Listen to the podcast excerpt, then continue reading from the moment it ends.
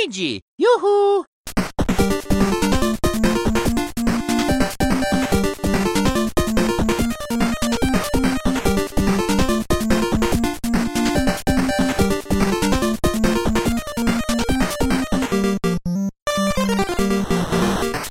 Welkom bij Button Bashers aflevering 33. 33. 33, alweer. 33. Een show die alle kanten op gaat. Met aan de Vast ene wel. kant chronisch hoestende Steef. Hallo Steef. Hé, hey, het is weg, hè? Het is zo goed als weg. Nou, net moest je nog even kuchen. Ja, daarnet moest ik een klein beetje kuchen. Maar dat was misschien meer van ongelooflijk allemaal weer te horen kreeg van jullie. En aan de andere kant de briljantino van de groep. Niels met zijn eeuwige vetkuif. Jelly. Ja, Niels vertelde net een verhaal over dat hij tegenwoordig een eh, vet in zijn haar heeft. En dat is, ja, je kan het eigenlijk een beetje vergelijken met kaarsvet. Als het er eenmaal in zit, komt het er niet meer uit, eh, Ja. Niels. Daar komt het op neer een beetje, hè? Klopt, ja. Dus je staat op en eh, je kijkt in de spiegel. Nou, dan zit alles nog hetzelfde als eh, de vorige avond. Ja, Prima. Niel, Niels is een beetje onze fonds van Happy Days. ja. Oh, daar had ik een hekel aan. Aan die gast met zijn leren jasje.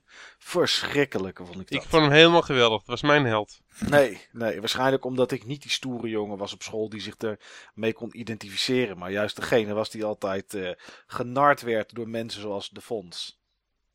Dat eh, is een goede verklaring. Ja, ik denk dat dat het ook, eh, dat moet het haast wel zijn. Maar gelukkig ben je nu niet meer degene die genard wordt. Nee, als het aan mij ligt ben ik degene die de narring doet inderdaad. Ja, dat, zo kennen we je. een beetje trollen, daar hou ik Zo van. kennen we je. echt. Dus eh, Waarbij ik gelijk wil zeggen dat in aflevering 32 dat Mass Effect verhaal echt geen trollen was, maar dat het gewoon waar was. een gefundeerde mening. Dat, eh, dat maakt het ook zo eh vergeef, vergeeflijk. Ik denk dat we een leuke... meni- meningen mogen altijd. Die mogen altijd, ook al verschillen ze van de ander. Daar zijn ze juist, daar zijn het meningen voor. Ja, wat voor soort kleurpersoon ben jij, denk je, eh, Mike? Gitzwart, denk ik. Gitzwart. Ja, Die, die zit bij de meeste persoonlijkheidsschema's zit hij niet in het schema. Zit hij niet in het model. oh, dan eh, donkerpaars.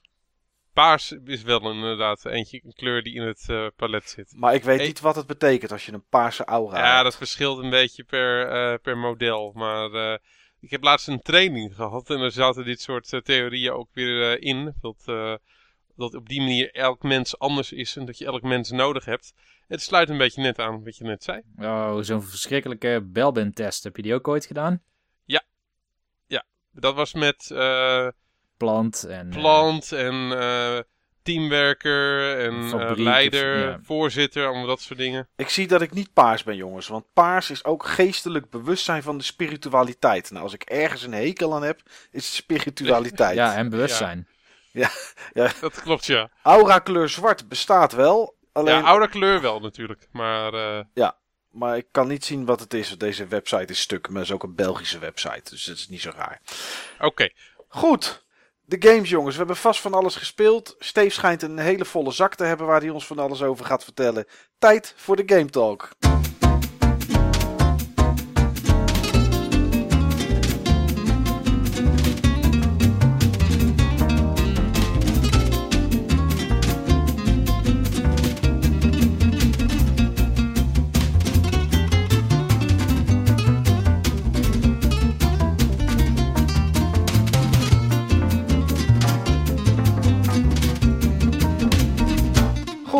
De Game Talk, jongens. Wat hebben we gespeeld de afgelopen, afgelopen tijd? Niels, ik, eh, ik laat eens bij jou beginnen. Want Steve die maakt het spannend natuurlijk. Ja, want dan kan hij zijn zak nog even ophouden. Ja, Oké, nou... Oh jongens, wat, wat heb ik nou weer gezegd?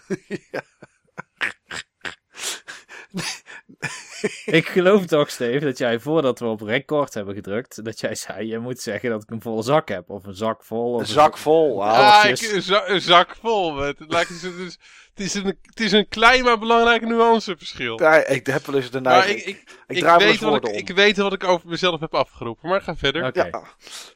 Maar Niels, eh, wat heb je gespeeld? Ja, eigenlijk weinig heel nieuws. Ik heb vooral de dingen uitgespeeld waar ik eerder aan was begonnen. Dus Donkey Kong Country Tropical Freeze heb ik uitgespeeld. Het Pokémon Ei heb ik inmiddels uitgespeeld. Eh, de Street Pass Mansion. Die Street Pass game waar we het vaker al hebben, over hebben gehad. Die heb ik ook uitgespeeld op level 30, toch? Ja, op level 30, ja. Dus dan moeten we door, door naar level 50. Hij is leuk, hè? Hij is echt leuk. Ik Hij vind is hem echt echt leuk. leuk. Maar ik wil het liefst een andere game nu even doen. In plaats van een soort nieuw game plus. Want ik ken de procedure nu wel. Nou, na 30 levels mag ik aannemen van wel inderdaad. Maar ik was, wel- ik was wel even benieuwd, Niels. Eh, ik hoorde van mensen Donkey Tropical Freeze dat het hele spel eigenlijk vrij goed te doen was, maar dat de, de laatste eindbaas dat die toch wel pittig was. Heb je dat ook zo ervaren of eh, waren dat gewoon mensen die niet kunnen gamen? Hmm, ja, dat klopt wel wat je zegt. En dat was ook zo bij eh, het vorige deel. Bij Donkey Ja. Kong Country Returns. Returns, inderdaad, ja. Ja, maar ik vind sowieso bijna al die eindbazen zijn op een of andere manier onevenredig pittig. Vergeleken Hmm. met die levels. Oké. Maar zijn er nog andere games dan iets nieuws waar je ons over kan vertellen? Je hebt vast wel iets anders nog gespeeld. Ja, ik heb iets nieuws en iets ouds. Oké. Dus je kan kiezen. Of je wil ze allebei misschien hoor, maar ik heb Nou, eh, doe voor Dan, alle dan twee. heb je alleen nog maar iets geleens en iets blauws nodig. Ja. iets blauws. Oh. Nou. Something, something Old, something, something, new, new, something borrowed, something something blue. En wat kan je dan gaan doen, Nou. Niels? Eh, het schip van, eh, van Falcon bij F-Zero is blauw. Dus die telt dan wel, denk ik. Nou, dan moet je alleen nog even wat lenen en dan kan je trouwen. Ja. Nou, F-Zero, laat ik daar eventjes mee beginnen. F-Zero is die SNES game. Ja. En die is ouder dan Mario Kart, volgens mij. Volgens mij kwam die al eerder uit. Volgens mij zelfs bij launch of zo in Amerika. Zeker weten. En ook volgens mij bij de lancering in, sowieso ook in Europa. En volgens mij ook om en nabij de lancering in Japan. In ieder geval in Japan ook in de launch window. Misschien niet op de lanceringsdag, maar wel launch window. oké. En hij is aanzienlijk ouder dan Mario Kart. Minstens, minstens een jaar. Hij is minstens een jaar ouder. Ja, ik, eh, ik kreeg pas vrij laat een SNES. Dus eh, toen was Mario Kart al ruim uit. Dus vandaar dat die details van die launch mij zijn ontgaan. Maar ehm, ik moet zeggen, in tegenstelling tot Mario Kart... heb je er toch best wel een goed racegevoel bij. Ja, maar er zit superveel snelheid in. Wat je in Ja. Mario Kart niet hebt. Dat niet, maar je hebt ook eigenlijk meer controle. Ik vind het makkelijker om, eh, om pixel precies door een bocht heen te snijden. Zeker, zeker. Met L en R inderdaad. eh, dat je echt zeg maar die, die drift modus hebt. Ja, ik vind het een Ja. geweldige game. Ja, ik ook. Speelt zo lekker weg. En eh, ik vond hem vroeger al super lekker. Het is absoluut mijn meest gespeelde eh racegame uit die tijd. Maar tegenwoordig, nu, eh, sinds ik een 60 hertz eh SNES heb, dat die omgebouwd is, die je hem om kan schakelen, op 60 hertz is die nog lekkerder. Zo enorm responsive. Enorm goede game. Ja, wat ik vooral echt heel gaaf vind aan, aan F-Zero, ja, het is die moeilijkheidsgraad. Dus het begint redelijk makkelijk. De banen zijn redelijk goed te doen. Je botst meestal nergens tegenaan. Misschien krijg je heel even airtime van een jump, maar op een gegeven moment dan heb je stormen die waaien, waardoor je rekening moet houden met hoe de wind gaat als je met 300 Klopt. km per uur eh Ja, in die woestijnlevels inderdaad, ja. Ja. Of mijnenvelden liggen er op de weg. Ja, ik vind het echt geweldig om te spelen. Het is Ja, hij, is, game. hij is geweldig. En dit is denk ik toch wel een van de twee beste F-Zero's. Dit en F-Zero GX. zeg maar de GX, ge- ja. ja. Eh, GX en AX. Zeg, zeg maar het Gamecube deel en, de ar- en het arcade deel. Met name de arcade versie. Fantastisch. Die kun je toch ook unlocken in GX, dacht ik. Met een action replay of met een truc of zo. Maar hij is ook unlockable. Of voor een groot deel unlockable. Maar dan heb je natuurlijk niet de ervaring van dat bewegende kabinet. Nee. En was er een reden dat je deze ging spelen, Niels? Eh, i- twee speler, iets of zo? Of dacht je gewoon, hé, hey, ik ga eens F-Zero spelen? Nou, hij is single player. En ehm, Oké. dat viel me ook nu pas op. Ik heb hem vroeger wel eens bij een vriend van mij gespeeld. Die had hem gehuurd. Dus ik kende het daar wel van. Ik had het dus wel echt een keer eerder gedaan.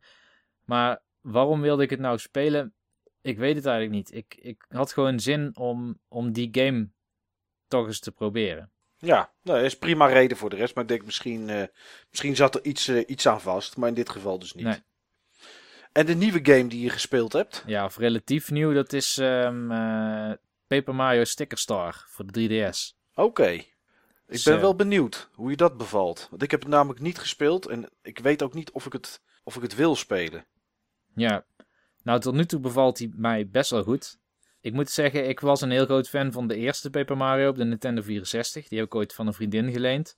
De tweede heb ik zelf gehad voor de Gamecube. Die eh Thousand Year Door. Het is echt een, echt een hele goede RPG. En eh, de derde was voor de Wii. En die vond ik super tegenvallen. Ik kwam Ja. er gewoon niet doorheen.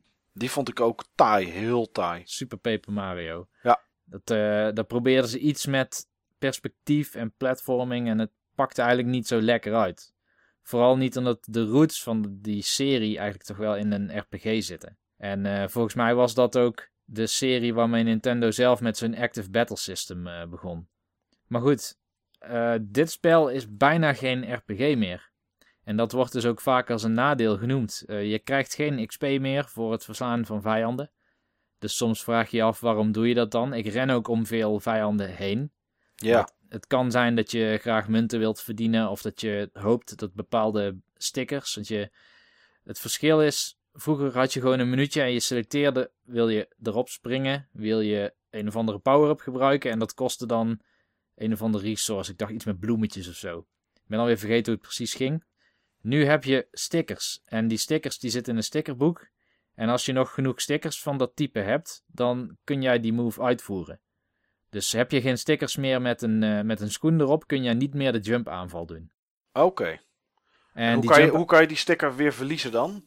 Of kan dat niet? Als je hem eenmaal hebt, dan heb je hem en dan kan je het blijven doen. Nou, als je hem hebt, dan... Je, nee, je verbruikt hem. Oh, je verbruikt hem Je raakt hem echt kwijt. Overal in het level zitten in principe vraagtekens. Daar komen weer nieuwe stickers uit. En er zitten er op de muur en die kun je eraf trekken. Of je kan ze kopen in zo'n dorpje. Maar eigenlijk, stiekem, zeg maar, afgezien van dat je geen XP meer krijgt en dat je niet zozeer meer levelt, is het nog redelijk hetzelfde spel. Dus ik begrijp de klacht niet helemaal, omdat de, het RPG, het RPG-achtige karakter aan het spel, van er zit een verhaal bij en een duidelijke progressie, en je krijgt opdrachtjes en het battlesysteem, die zijn nog steeds best wel RPG-achtig. Het ja. zijn alleen die stads die ik tot dusver mis. Oké. Maar wat ook wel een verandering is, is um, je hebt nu echt levels in plaats van dat je één grote wereld hebt. En dat is op zich prima uitgevoerd, net als Super Mario Bros. 3 en uh, Super Mario World. Gewoon zo'n world map. Waar je van uh, 1.1 naar 1.2 naar 1.3 kan. En dat zijn eigenlijk mini-werelden waarin je steeds een ster moet zoeken. En om die ster te vinden moet je vaak ook iets oplossen. Uh, bijvoorbeeld, er is een brug, die is weg. En dat betekent dat een bad guy, een koepaling of zo, die heeft dan die brug eruit geknipt. Oké. Okay. Gestolen. En die moet je dus gaan zoeken. En dus eigenlijk is elk level is ook een soort puzzeltje. Meer dan een platformer, want er valt weinig te platformen. Maar het is meer een soort puzzel om, uh, om die ster uiteindelijk terug te vinden. Oké. Okay. En hoeveel, toe, ja? hoeveel uur heb je er nu zeg maar in zitten? Ik heb tot nu toe wereld 1 helemaal uitgespeeld. Dat is denk ik ongeveer 2,5 uur. Oké. Okay. Maar wel, het bevalt genoeg om het uh, nog verder te gaan spelen. Ja, ja. Uh, ik moet zeggen, een van de klachten die ik nog meer heb gehoord is dat het op een gegeven moment heel erg herhalend wordt. Dat heb ik dus nu nog niet meegemaakt. Nee, snap Nu ik. is alles nog uniek en er zit veel vaart in en ik vind het allemaal nog wel prima. Oké. Okay. Nou, ik ben benieuwd of het, uh, of het verder bevalt. Ik vind op zich de reeks wel leuk, dus nou ja, misschien dat het toch een keer de moeite waard is. Maar ik wacht wel even tot jij er een uurtje of twintig in hebt gestoken. ja, dat is goed. Steve, ja. Jij hebt allemaal uh, verrassingszakjes, of wat was het ook alweer? Zakken in je verrassing? Ik weet het, je had iets met ik verrassingen. Heb één, ik heb één grote zak vol verrassingen. Dat was het. Oh, dat was het. Dat heb ik de hele tijd verkeerd. En dat bedoelde ik op een hele onschuldige manier. Ja. Zitten die verrassingen ook bij wat je gespeeld hebt deze week? Alleen maar? Oh, zeker. Nou dan... Ik, uh... ik weet zeker dat het jou gaat verrassen. Ja, jij hebt natuurlijk al op WhatsApp ergens iets door laten schemeren wat je ja, wilt spelen. Ja, ja, ja. Is het dat? Ik, het zou jou moeten verrassen, maar ik ga gewoon beginnen. Ik vind dan uh, word ik wel heel, uh, als dat het is, word ik wel heel triest. Ik heb heel veel gespeeld. Ja. Ik heb heel veel gespeeld. En ik ga ook geen keuzes maken in wat ik allemaal uh, gespeeld heb. Want de laatste tijd heb ik zo weinig gespeeld en nu heb ik zoveel gespeeld. Ik ga het gewoon allemaal noemen. Nou, kom maar op. Ja. Nou, om te beginnen heb ik uh, Street Pass Mansion uitgespeeld op level 30, net als Niels. Juist. En dat vind ik gewoon echt een hele leuke game. En ik ga gewoon verder naar level 50 toe, want ja, uh, zo vaak speel je het ook weer niet. Je moet toch ook weer uh, ja, via Street Pass poppetjes verzin, verzamelen. En het gaat redelijk hard, maar ook niet super hard. Je kan het misschien maar één keer per twee dagen echt goed spelen. Ja, laat ik, me weten, ik, Steve, of dat het nog verandert. Of dat het op een bepaalde manier moeilijker wordt of uitgebreider. Ik heb in ieder geval gezien dat de, de kamers zijn wat groter, wat ruimer. Dus je hebt meer mogelijkheden om echt, echt grote kamers uh, te creëren. Oh ja. Eh, zodat je op die manier heel veel eh, eh, gouden kisten tegelijkertijd gelijk, eh, vrij speelt. Ja. Ik vind het echt enorm verv- fulfilling om vier gouden kisten tegelijkertijd tevoorschijn te toveren. Ik heb het nu een paar keer gehad. Ja, ik weet niet, eh, ik weet niet hoe het eruit ziet. Ik heb het natuurlijk niet. Ik Street Pass eigenlijk eh, zelden, dus... eh, Nou, zoek, zoek het eens op. Maar het is Ja. in ieder geval van de Street Pass games de game die veruit de moeite waard is. Het is gewoon simpelweg het meest onvolwassen game.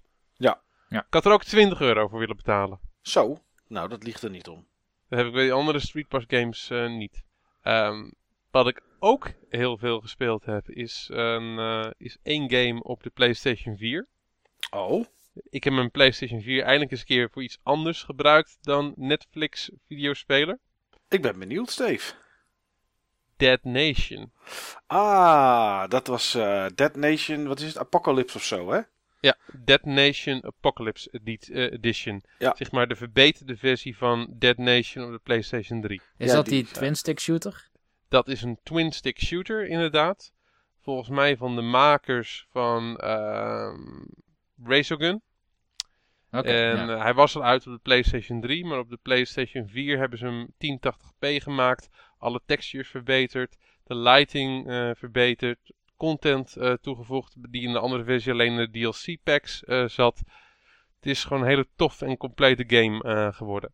Ik heb hem zowel alleen gespeeld als in local co-op met, met Martijn. Motherbrain, een van de leden van ons forum en wel bekend van eh, eerdere edities van deze podcast. Ja, oké. Die was, eh, die was bij mij, zeg maar, eh, een weekendje terug. Nou, dat is wel... en dat beviel wel voor een leuke game?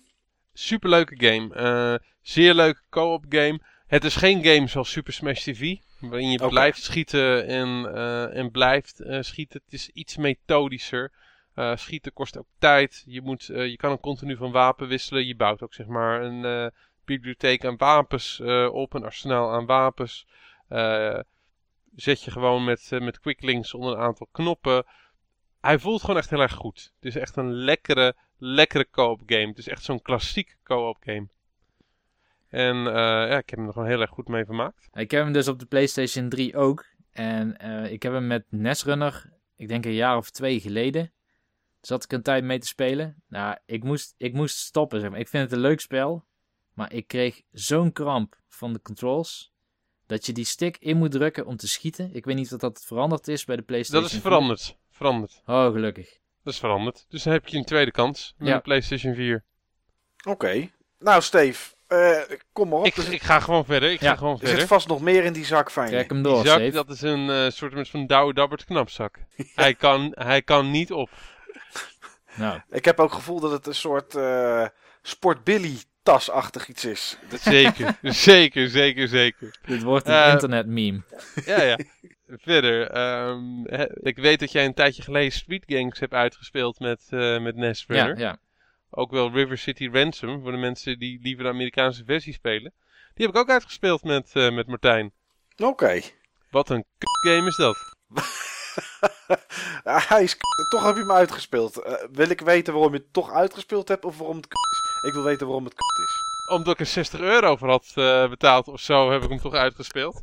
En het leek me altijd een hele leuke game, maar dat, dat, dat viel toch een beetje tegen. Het is echt gewoon enorm semi en het is echt een button basher en... eh, Hij is inderdaad behoorlijk overrated.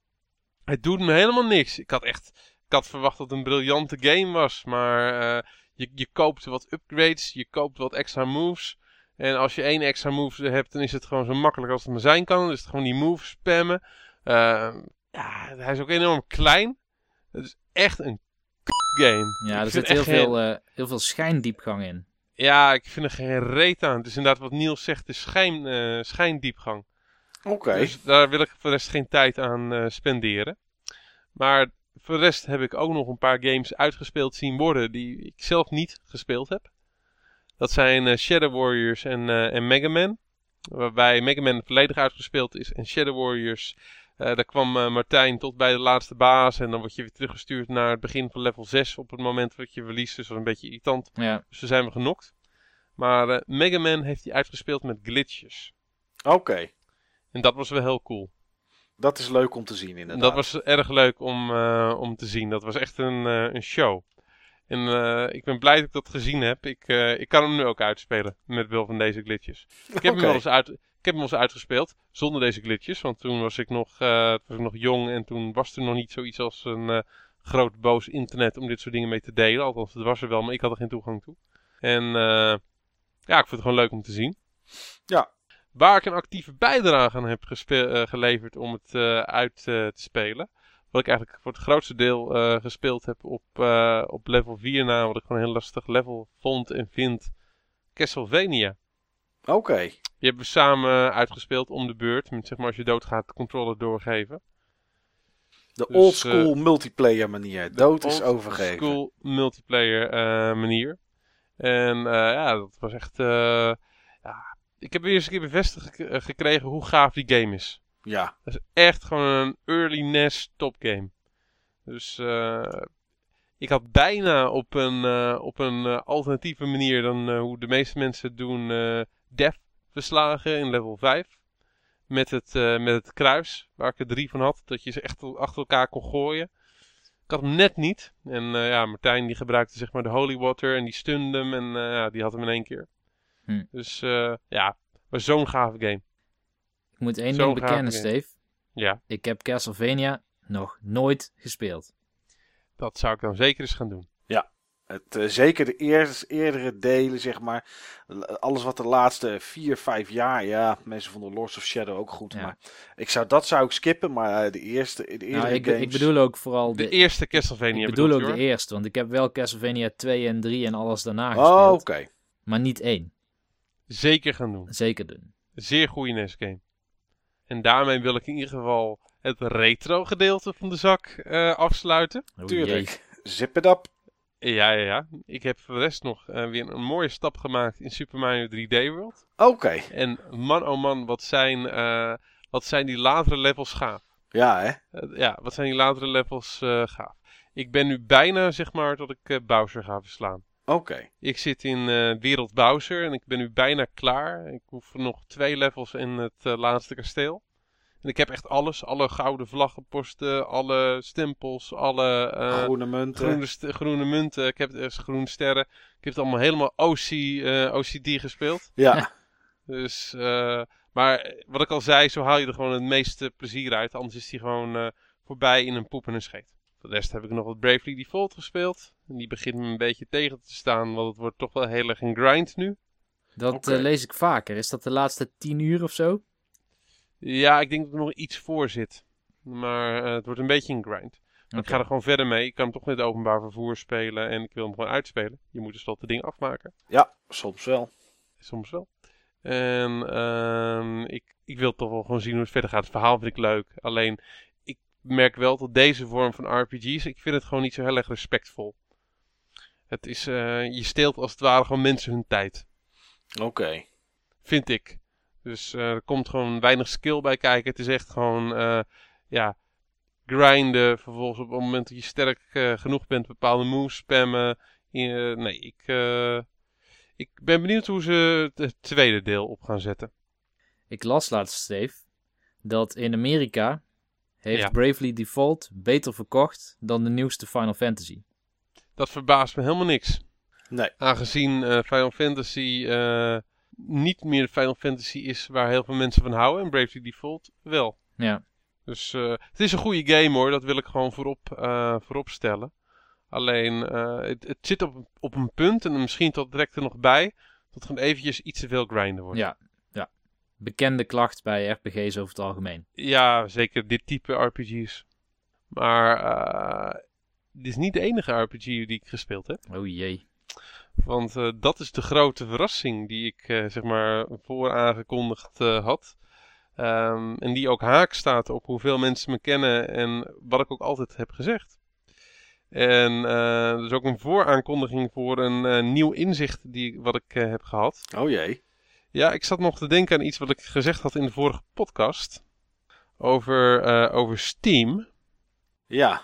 tot het zeg maar de weg van de toekomst was en het platform van de toekomst. En ik zat te denken, hey, eigenlijk speel ik heel weinig op, eh, op Steam en speel ik heel weinig op PC. Volgens mij zijn wij niet eens vrienden op Steam, Steve. Wij zijn niet eens het. vrienden. Zo erg is het, dat gaan we zo meteen herstellen.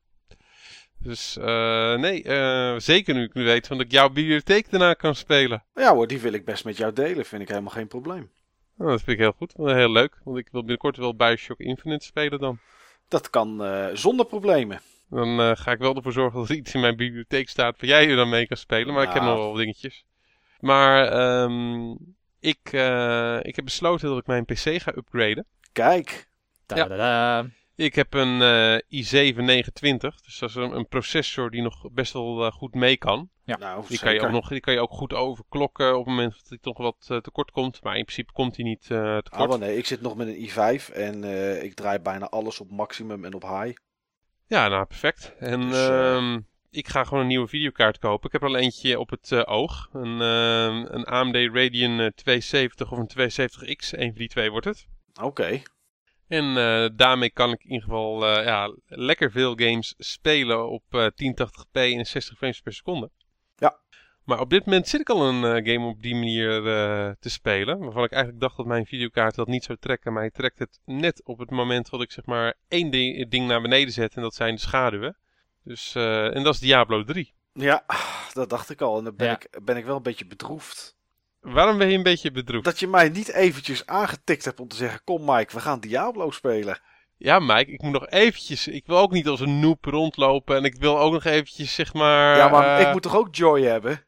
Ja, ik moet, ik moet ook eventjes kijken hoe alle, hoe alle mechanics Snap ook weer werkten. Muis en toetsenbord is natuurlijk even, even wennen weer steeds. Ja, dus, maar inmiddels ben ik uh, op het punt dat ik graag join met de rest van de mensen die dit horen. Oké. En ik weet in ieder geval dat er zat mensen zijn die deze podcast horen die Diablo spelen.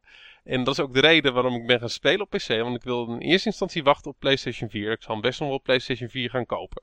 Maar ik had zoiets van, joh, ik zat te denken, joh, heel veel van mijn vrienden die hebben Steam. En heel veel van mijn vrienden hebben Battle.net. En uh, waarom zit ik daar eigenlijk niet op te spelen? Waarom? Ja. En, ik, en toen dacht ik, ja, waarom niet? Het is niet alsof ik geen uh, geld heb om een uh, PC gewoon uh, te upgraden en hem weer, zeg maar, helemaal game ready te maken. En deze game die deed het nu al prima. Ja, dat is, en het is, echt, het is echt een leuke game. Ja, en ik moet zeggen, een van de redenen waarom ik nog niet gejoind had met jou is omdat jij de drukste man van het oosten des lands bent. ja. Een beetje wel. Maar we gaan dat gewoon herstellen. Ja, dat gaan we in orde maken. Ik ben inmiddels uh, level 14. Oké. Ik zal wel snel, ik zal vanavond nog wel level 15 of 16 zijn. Volgens mij mag er maximaal 15 levels verschil uh, uh, in een karakter zitten. Dus ik weet niet of je nog een leuk karakter hebt liggen ergens. Ik heb nog een level 42 Barbarian, een level 45 Monk. Maar ik heb ook nog wel een level 17 en een level 21. ik heb van alles liggen, Steve. Dat is mooi. Ja. ja. Dat is mooi. Dus, uh, en ik heb ook de items zodat we naar het koeienlevel kunnen. Het koeienlevel? Ja, ja, ja. In, uh, in Diablo 2 zat ook een hidden, een hidden level. Daar zat een koeienlevel in. Hier, hier noemen ze het dan geen koeienlevel. Zeggen ze, er zit geen kou level in. Maar er is een, uh, een, een, level en daar moet je behoorlijk voor grinden. Want dan heb je bepaalde items nodig om, uh, om een item mee te maken. En dan heb je een level met allemaal uh, ja, allemaal regenbogen en allemaal vrolijke kleuren. Unicorns en, en ja, shit. en unicorns en zo. En dat soort spul.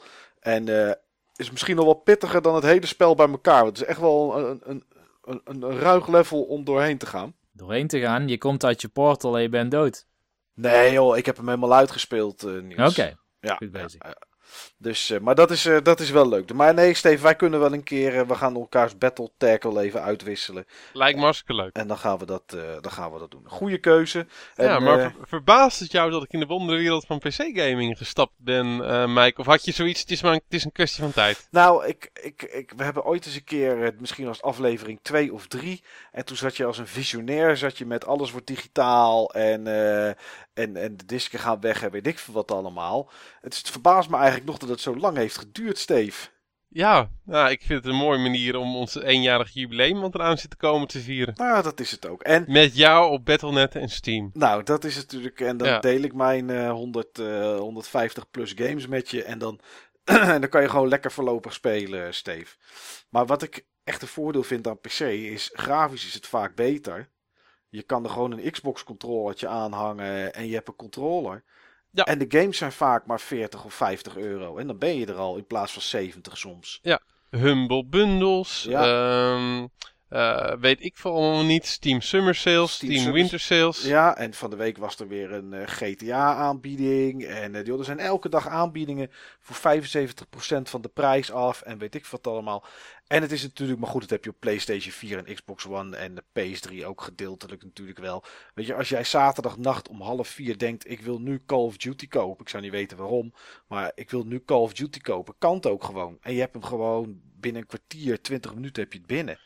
Nou, ik niet. Moet wel even iets doen aan mijn verbinding eh, Nou, dan. dan, eh, maar ik had, Maar het dat over komt de, goed. ik had het over de eerste Call of Duty dan, Steve. Die is maar 700 MB. Oké, dat, is, eh, dat is te doen. Ja, dat is te doen. Maar welkom, zou ik eigenlijk gewoon willen zeggen, Ja, Steve. De bedankt. Master Race. Ja, Ja, de Glorious PC Gamer Master Race. Ja. Ik, eh, ik zat er nog aan te denken. Nu kun je ook de net aangekondigde Rollercoaster Tycoon 4 spelen. Oh nee, wacht. Hey. Die is mobile only. oh, Maar eh, Michael, ja, want we hebben nou Steve vrij lang aan het woord gehad. ja. Dus Het laten we een allemaal, het is allemaal van Mike's tijd afgegaan, hè? Ja, maakt niet uit. Ik, eh, ik voelde dit eh, de afgelopen twee weken dat ik eigenlijk helemaal geen retro games meer eh, heb gespeeld. Dus dat heb ik ook zo gelaten. Ik heb, eh wat er is gewoon deze weken waar komt er zoveel, is er zoveel moois uitgekomen en komt nog zoveel moois uit. Ik heb namelijk de afgelopen twee weken besteed aan South Park, The Stick of Truth. Oh, ik hoopte dat al dat je dat ging zeggen, maar ga verder. En die heb ik uiteraard ook uitgespeeld. Ik heb eh, Titanfall heb ik gespeeld, want die is nu uit.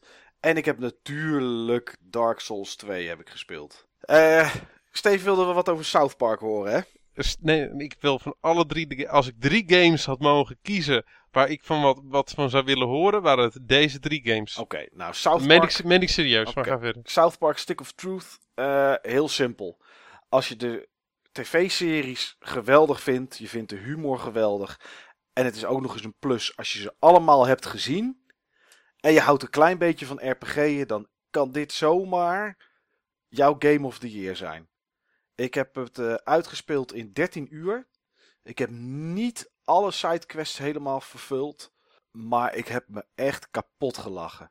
Er zitten zoveel grappen en grollen in. Zoveel hele foute dingen. Zoveel herkenbare dingen. Ja, het is echt geweldig.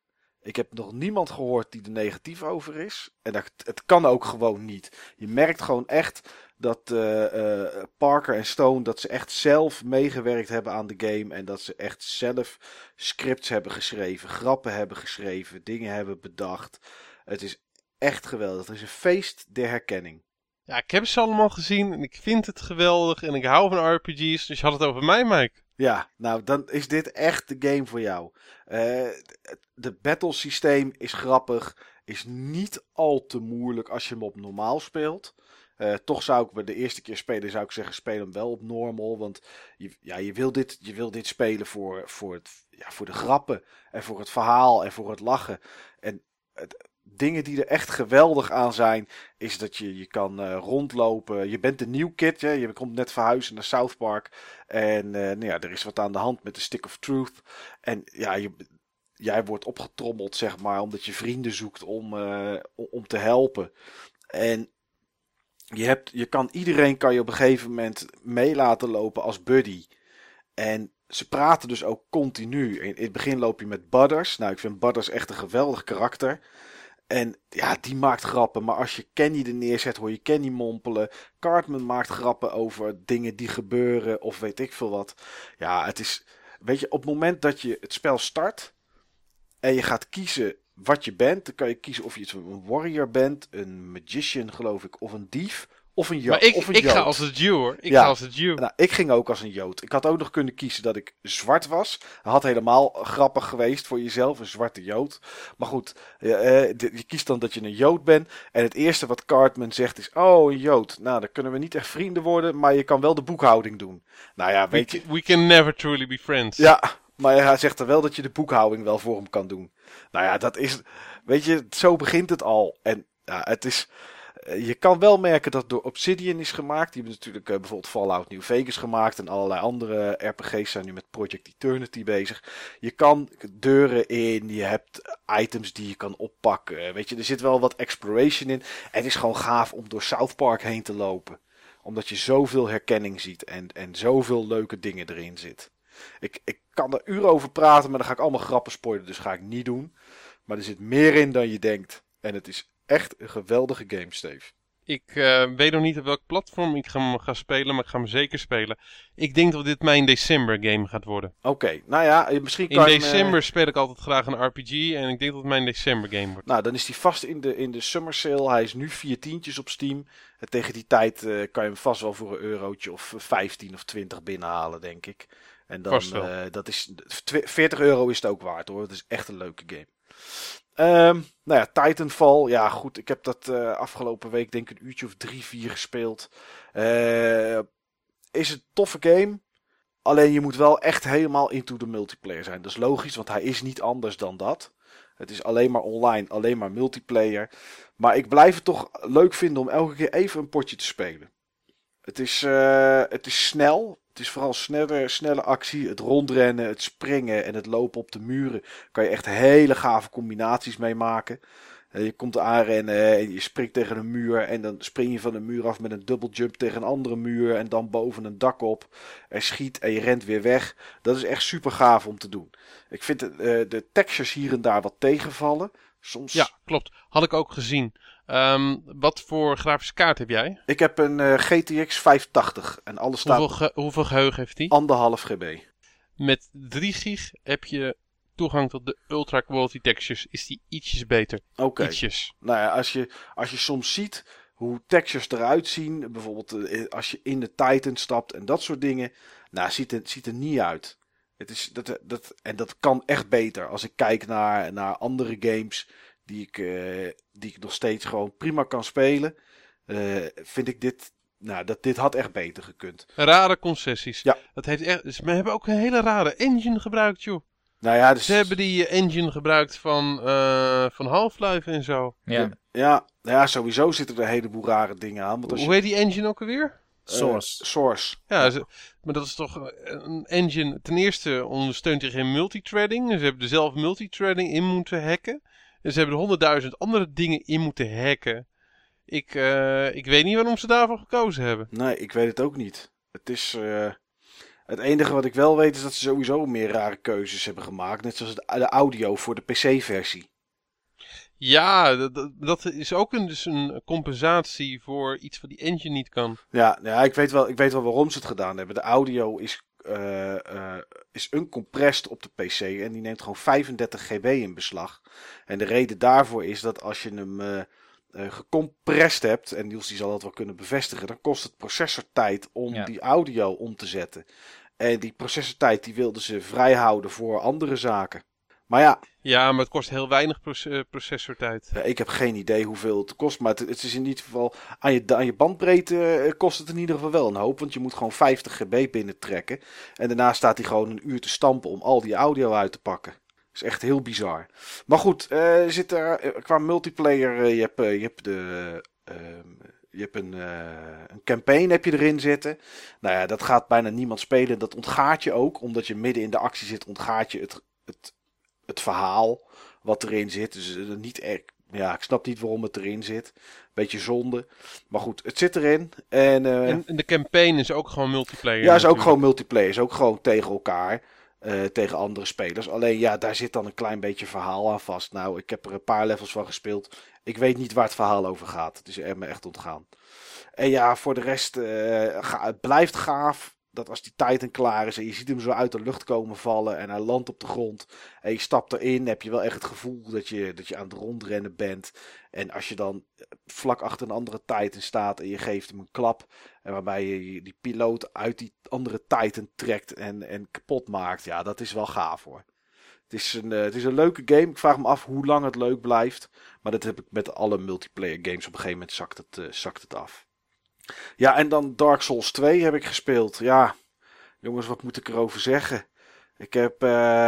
Ik, dus ik ben al drie keer opnieuw begonnen. Ja, het, je, wordt, lijkt het wel, nog harder gestraft dan in eh, Dark Souls 1. Wat ze, wat ze gedaan hebben is heel goed. Ze hebben een tutorial area gemaakt. Hè, voor de nieuwe spelers. Dat die, eh, dat die een beetje de controls en alles doorkrijgen. Een beetje weten hoe het systeem werkt. Eh, voor de gevorderde spelers zou ik dat ook gewoon doorlopen. Want je, je, slaat tegenstanders kapot. Dus krijg je zielen waarmee je natuurlijk weer items kan kopen, kan levelen, et cetera. Maar ik, ik, ja, weet je, als je doodgaat, dan knabbelen ze. Dan verlies je iets van je ma- maximale helft, toch? Klopt. En dat gaat op een gegeven moment knabbelen ze dat op naar 50%. Dus op een gegeven moment heb je nog maar 50% van je maximale health. Eh, dat kan je terugkrijgen door een Human FNC eh, te gebruiken. Human FNG is het volgens mij. Ja, Human FNG. Dan wordt het teruggezet. Alleen die liggen er niet zoveel. Die kom je er niet zoveel tegen. En ik heb dus gehad dat ik eh, ja, al vrij in het begin op een gegeven moment maar op 50% van mijn hitpoints zat al mijn healing items op waren. Want het is niet zoals bij andere games dat als je een item gebruikt en je gaat dood, dat je het item terugkrijgt. Nee, dat ben je gewoon kwijt. En dat eh, mijn hele arsenaal aan wapens gedamaged was, kapot was. En dus eigenlijk helemaal niks meer waard was.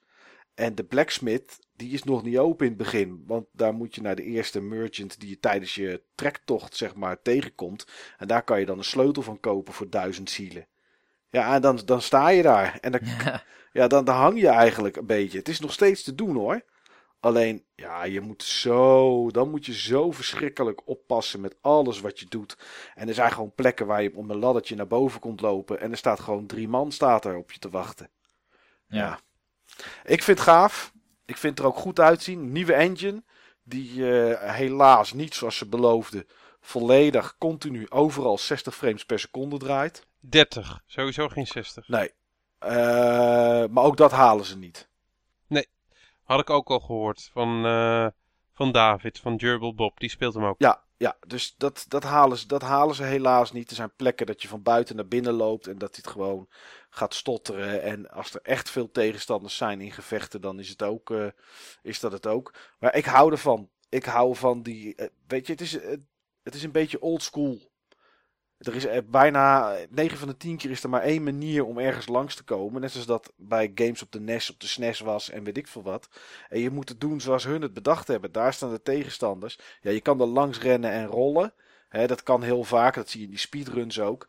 Maar het is niet, het is niet bevorderlijk. Want ja, op een gegeven moment rol je ergens een hoekje en dan komt er 30 man achter je aan. Ja, dan is het gewoon over.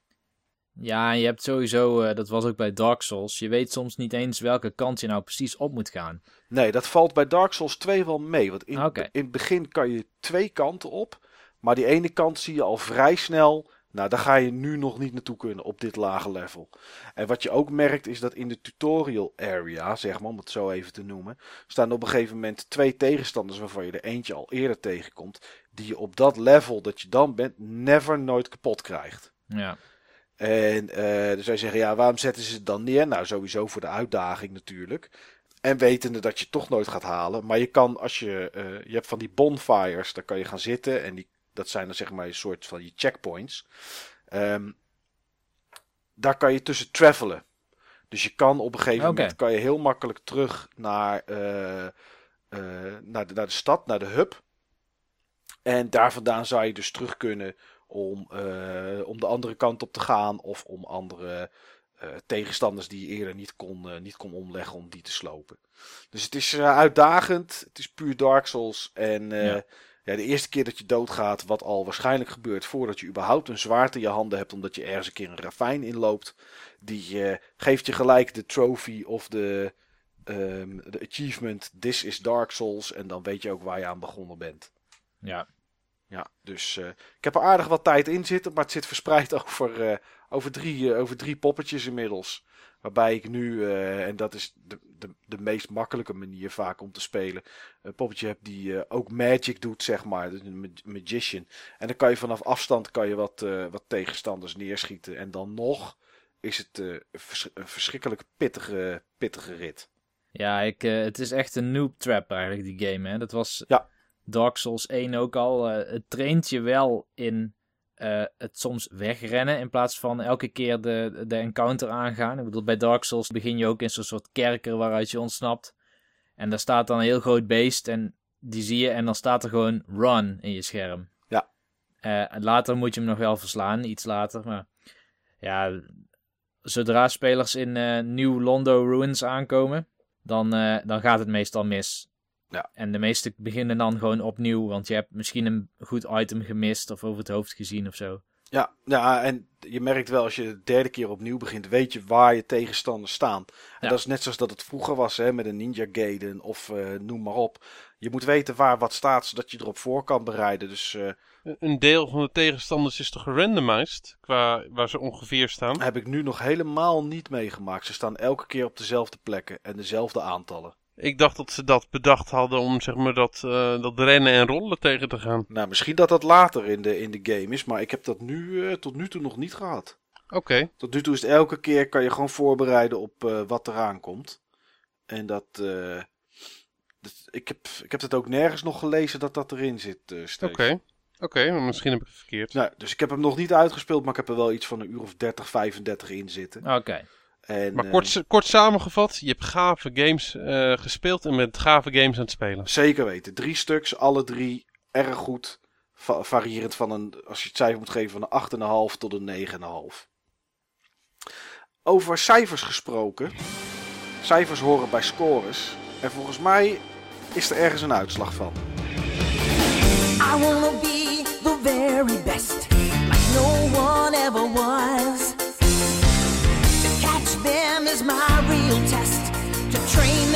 my car.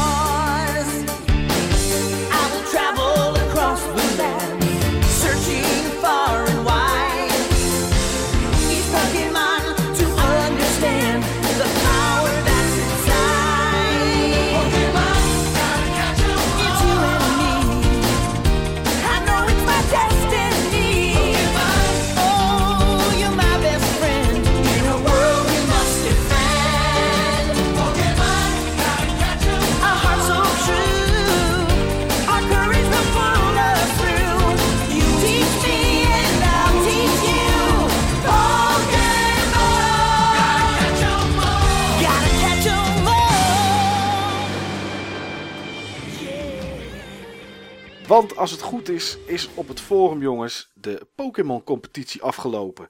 Die eh, georganiseerd was door, sinds de laatste podcast kan ik het prima uitspreken, Chiron Jin. En eh, ja, jullie hebben daaraan meegedaan, eh, mannen.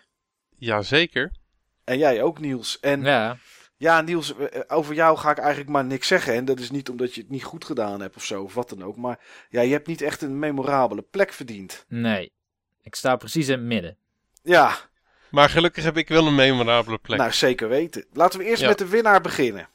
Oh, dat, daarmee suggereer je al dat ik dat niet ben? Dat zou kunnen, maar om het spannend te houden zou dat het ook wel kunnen zijn. Maar net niet, Steve. Net niet. Ik heb begrepen dat Gamesphere dat die, eh, de winnaar is geworden van de, de Pokémon competitie. Verrassend, verrassend. Ja, ik had mijn geld gezet op, eh op Wogek. Eh, Ja. Ik heb de thread tot aan pagina 10 ongeveer gevolgd, ondanks dat ik niet meedeed. Ik zag alleen maar winst, winst, 7-0 en weet ik veel wat voorbij komen. Maar eh, aan het einde van de rit is het toch eh, Gamesphere die, die gewonnen heeft. Dus nou ja, hulde hiervoor Gamesphere. Ik Ja. kan niet anders zeggen. Ehm, ja, en dan komen we op jouw plek aan, Steve. Ja, En jij bent zeg maar de lijstduwer van de Pokémon competitie. dat vind ik een hele goede eufemistische manier om dat zeg maar eh, te zeggen. Want je bent laatste geworden. Zo kun je het ook zeggen inderdaad, ja. Ja. Ben je, heb je ooit een wedstrijd gewonnen in deze competitie? Ehm, ja, Of- nee, Of, nee. ik, ik ben één keer, eh, ik heb één keer gevoelsmatig eh, gewonnen. Toen, ehm, toen heb ik met 2-0 verloren. Oké. Maar dat was mijn beste prestatie. Nou, Ik heb ook een keer gevoelsmatig de staatsloterij gewonnen. Ik ben nog steeds elke dag aan het werk, dus je hebt er niet zoveel aan. Eh, nee, daar, heb je, daar koop je geen, eh, geen reet voor. Nee. Maar vond je het de moeite? Zou je het volgende keer weer meedoen? Misschien. Ik, eh, dan moet ik wel zeg maar wat meer Pokémon gespeeld hebben. Ik, ik heb met mijn drie uur Pokémon die ik in totaal gespeeld heb, heb ik geen enkele kans gehad. Nee. En ik heb dan wel wat goede Pokémon gehad, maar ehm, om in mijn team management cursus te blijven, waar ik ook zeg maar die kleuren van, eh, vandaan eh, had. Ja. Het was een groep en geen team. Oké. Nou, mooi gezegd. Ja. Ja. Heel mooi Ik gezegd. moet, eh, ik moet iets meer eh, energie besteden aan de coaching. Oké. En, en jij dan, Niels? Want jij zei dat je eh, Pokémon I had uitgespeeld. Ja. Dus jij hebt meer Pokémon nog gespeeld na het toernooi. Doe jij de volgende keer weer mee als er zoiets komt? Jawel, ik doe wel weer mee. Oké, dus het is jou wel goed bevallen. Ja, ik, eh, maar ik ga dan wel. Hoe moet ik het zeggen? Vorige aflevering zei ik al van ik had niet echt een strategie. Nee. Ik heb ook het team aangepast elke keer. Een beetje naar smaak of nadat ik weer een goede Pokémon eh, had gevonden of gekregen van iemand. En die er dan ingezet. Maar volgende keer dan ga ik vanuit een, eh, vanuit een idee, vanuit een strategie proberen zo'n team samen te stellen. Oké, iets tactischer, iets meer erover nadenken. Precies, ja. Oké, Dat is kort samengevat ook wat ik zou moeten doen. ja. Ja. En plus er nog bij gewoon ook spelen. Want drie uurtjes is denk ik te weinig, eh, Steven, om, eh, Ja, zeker. Zeker. om koning Pokémon te worden. Ja, eh, dat, eh, die aanname durf ik wel te maken. En terecht, want er zijn gewoon mensen die hebben er 100 uur eh, in eh, zitten. Dan verlies ik daar graag van. Ja. Ja. ja. Nesrunner kwam laatst bij me langs en die zei dat hij 400 uur in Pokémon X had zitten. 400 Ja. uur. En hij heeft zijn DS pas een half jaar of zo. Hè? Hij heeft hem gekocht toen Pokémon uitkwam. Dat is vorig jaar oktober of zo geweest. Waar haal je de tijd vandaan? Ik weet het ook niet. Dat is gewoon, dat is 16 en een halve dag continu aan elkaar doorspelen. Ja, Dat is flink.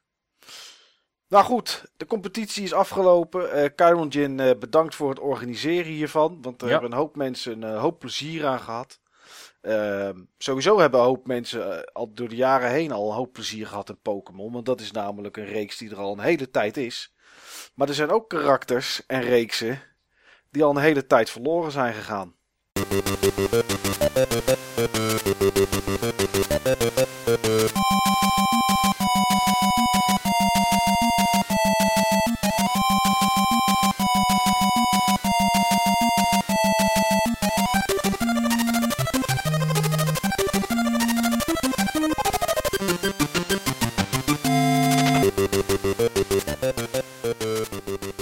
Steve, Niels en ikzelf helaas val daar ook onder. Wij lopen allemaal al een tijd mee in de, de wereld van de gamelarij.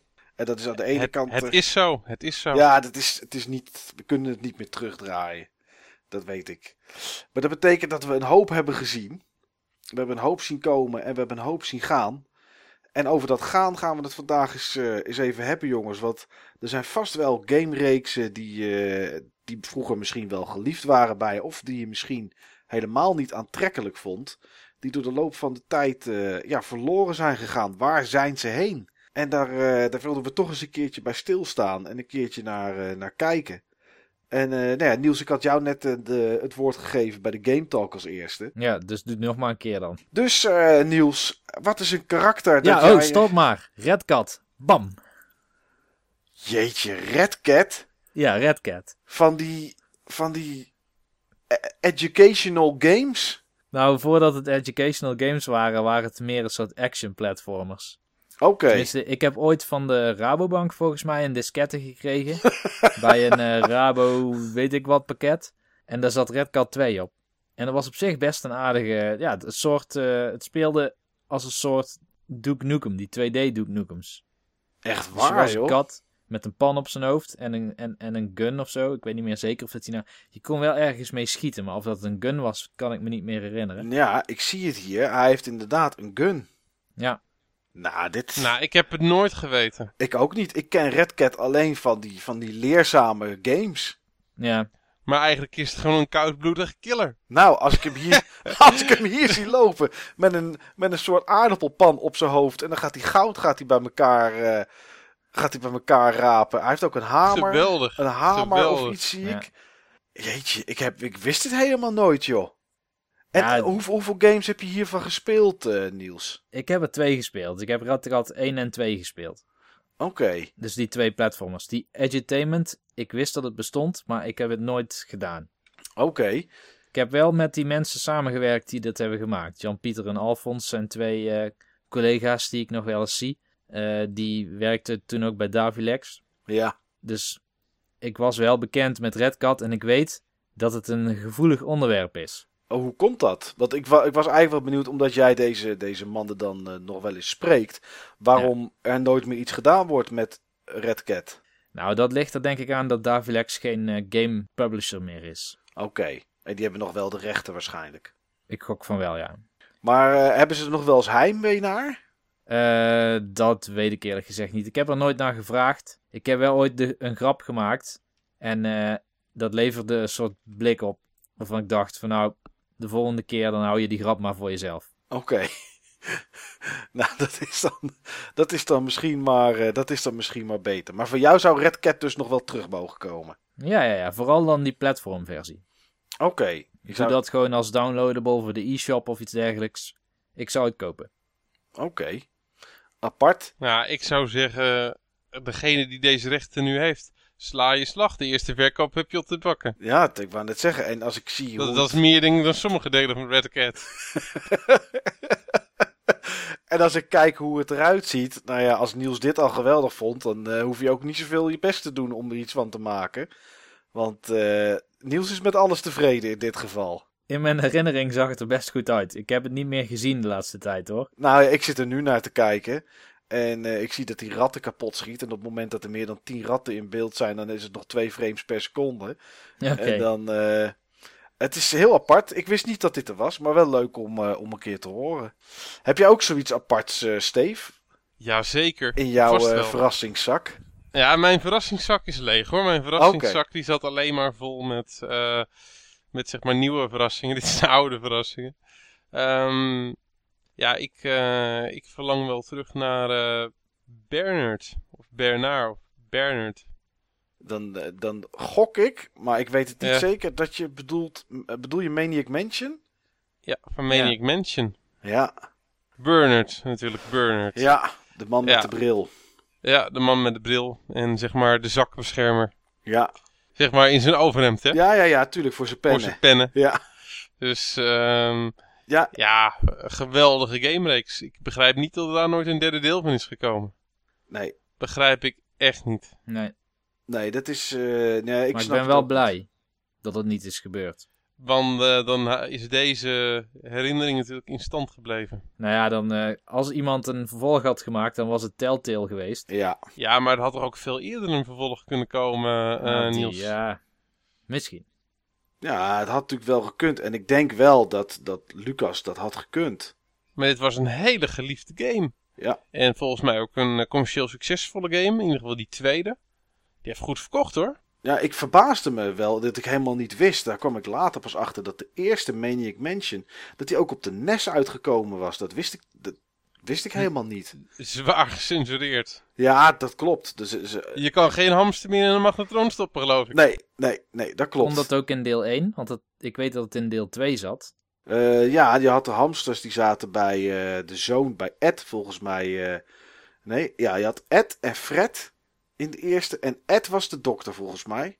Ja. En dan had je Fred. En op Fred's kamer was ook hamster eh, iets. En daar kon je ook wat mee doen, inderdaad. Oké, die, is helemaal, die is helemaal zwaar eh, getraumatiseerd door wat er met zijn hamster gebeurd is. Ja. In deel 2.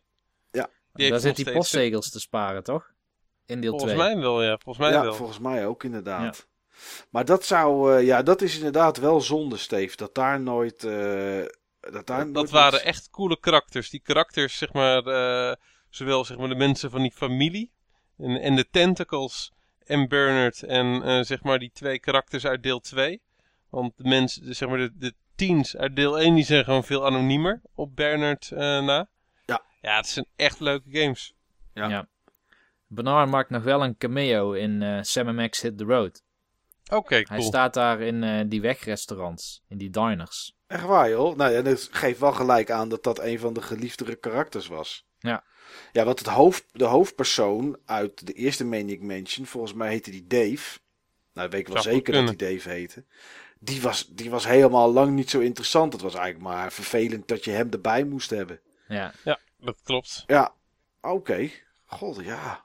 En ook zo geweldig in dat eerste deel, van dat je zeg maar combinaties van karakters kon kiezen, waar je het gewoon niet mee uit kon spelen. Ja, er waren één of twee combinaties. Ik weet ze niet meer uit mijn hoofd. Maar dat klopt. En er waren zoveel eh, dingen die je kon doen waardoor je het ook niet meer uit kon spelen. Klopt. Eh, er is ergens een hele mooie website van. En daar staat alles op wat je over die game eh, te weten kan komen. En daar staan inderdaad die combinaties op. En dat is wel. ja, ik vond het heel apart. Maar echt een super gave game. Voor de mensen die hem weer eens een keer zouden willen spelen, de eerste. Er is een fan remake in, van in 256 kleuren. Had het eerste deel niet. En ook beter geluid en nog een aantal dingen. Kun je gewoon gratis downloaden, moet je wel eventjes naar zoeken. En die draait ook gewoon netjes op Windows, waar, dat eerste, waar je het eerste deel gewoon niet, anders niet meer in het praat krijgt. Geweldige game. Oké, die heb ik nog nooit geprobeerd inderdaad. Gewoon doen. Ik zit echt gelijk eventjes te kijken of ik heel snel... Ik heb hier wel die website voor me, maar dat ja, super gaaf. Ik ga het niet, ga het niet opnoemen, maar ik zie hier staat: If you do catch Ed's package before him, but give it to him without collecting the unused stamps, the game becomes unwinnable with Razor, Sid en Wendy. Dat is toch apart, hè?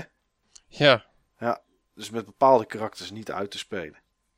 Ja, een hele gave, Mooi, een hele gave, hele gave naam. Ik zal je eerlijk zeggen dat ik de voorbereiding wel nagedacht heb over uh, Avengers, zeg maar. Maar ik had, uh, ik kwam niet op, ik had deze had ik er niet bij gehaald. Maar dat is inderdaad een karakter die, we, die ik graag terug zou willen zien. Welk karakter had je dan wel? Ja, dat kan er maar één zijn. Eén. Het is de held van de jaren negentig. Commander Keen. Nee. Oh. Die heb ik wel op mijn lijstje staan, maar dan bij als er iets niet terug moet komen, is het wel Commander Keen. Oh jee. Nee, mijn held mijn Lara Croft van de jaren 90 is Rick Dangerous. Had ik kunnen weten. Dat had je kunnen weten, inderdaad. Ik word Steve een beetje gniffelen.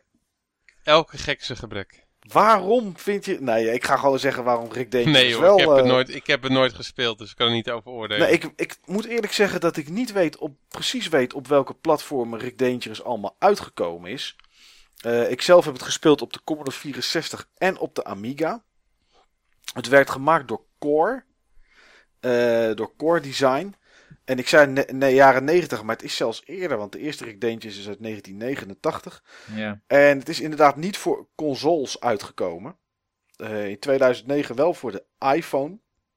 Maar ik vond dit geweldige games. Het was een soort Indiana Jones. Uh, het was schieten, het was bommen neerleggen, springen. En, en dat is niet de reden waarom ik hem nu opnoem, maar van de week moest ik eraan denken toen ik Dark Souls 2 aan het spelen was. Was het eigenlijk ook een soort van Dark Souls of Dark Souls is een soort Rick Dangerous. Omdat je bepaalde plekken hebt waar je naar beneden moet vallen om naar het volgende gedeelte van het level te gaan. En de eerste keer dat je naar beneden valt ga je altijd dood, want er liggen namelijk punten onder. Rick Dangerous was echt zo'n oldschool game waarbij je moest onthouden waar wat stond. Omdat je anders, ja, anders ging je dood. En ja, dat, uh, het eerste game telt 100 schermen. En dat is ja, een geweldige, geweldige game. Rick Dangerous, ik snap niet dat na deel 2, en ik ben laatst echt een keer op zoek geweest uh, wie nu de rechten heeft, maar kan het niet vinden. Uh, maar Rick Dangerous, dat, die zou voor mij echt zo terug mogen komen. Ja, voor mij ook. Ja, en dan het liefst niet in een 3D-setting, maar gewoon uh, semi 2, misschien net zoals, nou ja, als, als een, net zoals dat Donkey Kong uh, Country Tropical Freeze was. De, zoiets, dat zou voor Rick Dangerous zou dat echt geweldig zijn. Alleen ja, ik weet niet wie de rechten heeft. Het was van Core, Core Design. Dat is volgens mij, dan later is dat richting Idols en zo gegaan. Alleen, uh, weet... Core Design is inderdaad richting Idols gegaan. Ja, nou ja. En... Als het niet veranderd is, zou het Square Enix zijn. Ja, dan zou het nu Square moeten zijn inderdaad, ja. Maar ik, ja, ik, ik weet het niet. Ik weet niet wie dit, uh, of die nu nog de rechten hebben. Maar dit is zo'n ja, dit is zo'n karakter, zo'n personage dat ik denk, die mis ik echt. En heel af en toe denk ik er nog aan terug. Ik ben het nu op dit moment ook weer aan het spelen. En uh, ja, dit, dit, waren, dit waren de games uh, toen ik een kleine, kleine Michael was. En ik dit aan het spelen was. Sloeg ik mijzelf met de joystick, met mijn arcade joystick, op de, op de knie als ik doodging. Omdat ik dacht van zo stom. Dus die frustratie die uh, die game opwekt, hetzelfde was wat Dark Souls nu doet, dat zat er gewoon in. En dat op een of andere manier vond ik dat heel gaaf. Dus ja. ja super tof, super tof toch? Maar ja, zeker weten. Rick Dangerous, wat een held zeg. Ja. Heb jij nog zo'n held, uh, Niels? Ja, ik vond het wel moeilijk, moet ik zeggen, om dan helden te vinden die je ook terug zou willen zien. Ja, En vooral ook in hetzelfde genre of zo, of wat dan ook. Maar ik heb wel een, eh, een soort out-of-the-box held. Waar, die ik gok dat niemand eh, aan heeft gedacht. Ook niet aan, niemand op het forum. oké. Eh, dat komt omdat hij is een gameheld, maar hij zit niet echt in een game. En dat is eh, Jeff Crammond. Zegt die naam je iets? Nee, Mij zegt het niks. nog nooit van gehoord. Jeff Crammond was het eh, brein, of laten we zeggen de producer van de Formula One serie. Juist. Nou, Niels. ehm, En dit, dit, is een, en dit is een echte persoon? Ik denk dat het een echte persoon is, ja. ja het is volgens mij een, een, een echte persoon, maar zijn naam was zo gelinkt aan die serie. Ja. Ehm, je hebt eh, vooral het deel 2, was super populair. Ik heb ooit nog gesponsord dat spel gespeeld, dat ik eh, voor een Rabobank ploeg eh, in zo'n auto reed. En dat er ook iemand was en die tunede voor mij de wagen. Dus eh, ja, voor mij eh, is Jeff Crammond nog steeds de persoon die Formule 1 games echt goed kan neerzetten. Dat het ook niet alleen heel realistisch overkomt en weergegeven is, maar ook nog eens lekker speelt. Oké. En, eh, en waar is deze man dan op een gegeven moment mee opgehouden? Of wat doet hij tegenwoordig? Weet je dat? Nee, dat weet ik dus eigenlijk niet. Ik weet dat op een gegeven moment kreeg hij concurrentie van Sony. Die had ook een eigen Formule 1 serie. Ja. Klopt, ja. En ja, die was echt totaal ondermaats vergeleken met die van Jeff Crammond. Volgens Maar- mij was die ja. gemaakt door Psygnosis. Ja, precies. Op de- Ja, Psygnosis. op de PlayStation 1 is dat inderdaad. Klopt. Ja. En En- Jeff Crammond, wat, wat hij heel goed deed, ehm, was hij, hij had een soort eh flight sim benadering voor eh, Formule 1. Je hebt in principe een super dikke simulator, super complex en uitgebreid, maar afhankelijk van wat jouw eh, niveau is als speler, of wat je überhaupt uit de game wil halen, kun je heel veel hulp aanzetten. Oké. Dus voor de een is het echt een race game, voor de ander is het een sim game. En, dat Eh, al, en dat allemaal in dezelfde titel? Ja.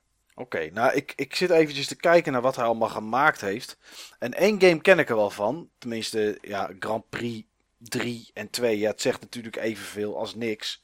Maar ik heb eh Stunt Car Racer heb ik gespeeld, die hij ook gemaakt heeft op de Amiga. Stunt Car Racer, is dat van hem ook? Ja, Oké. Ja, dat was ook een briljante game.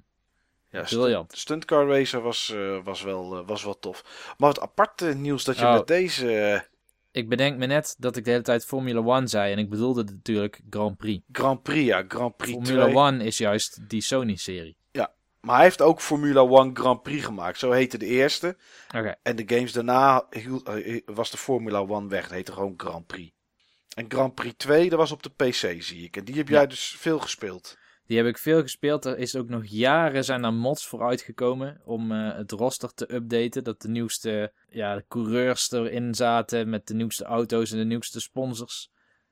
Maar ik zie dat Grand Prix 4, zijn laatste titel uit 2002, staat dat het nog steeds door de fans met mods wordt aangevuld, zo nu en dan. Oké, Dus dat het is, verbaast me helemaal niks. Het verbaast me echt niks.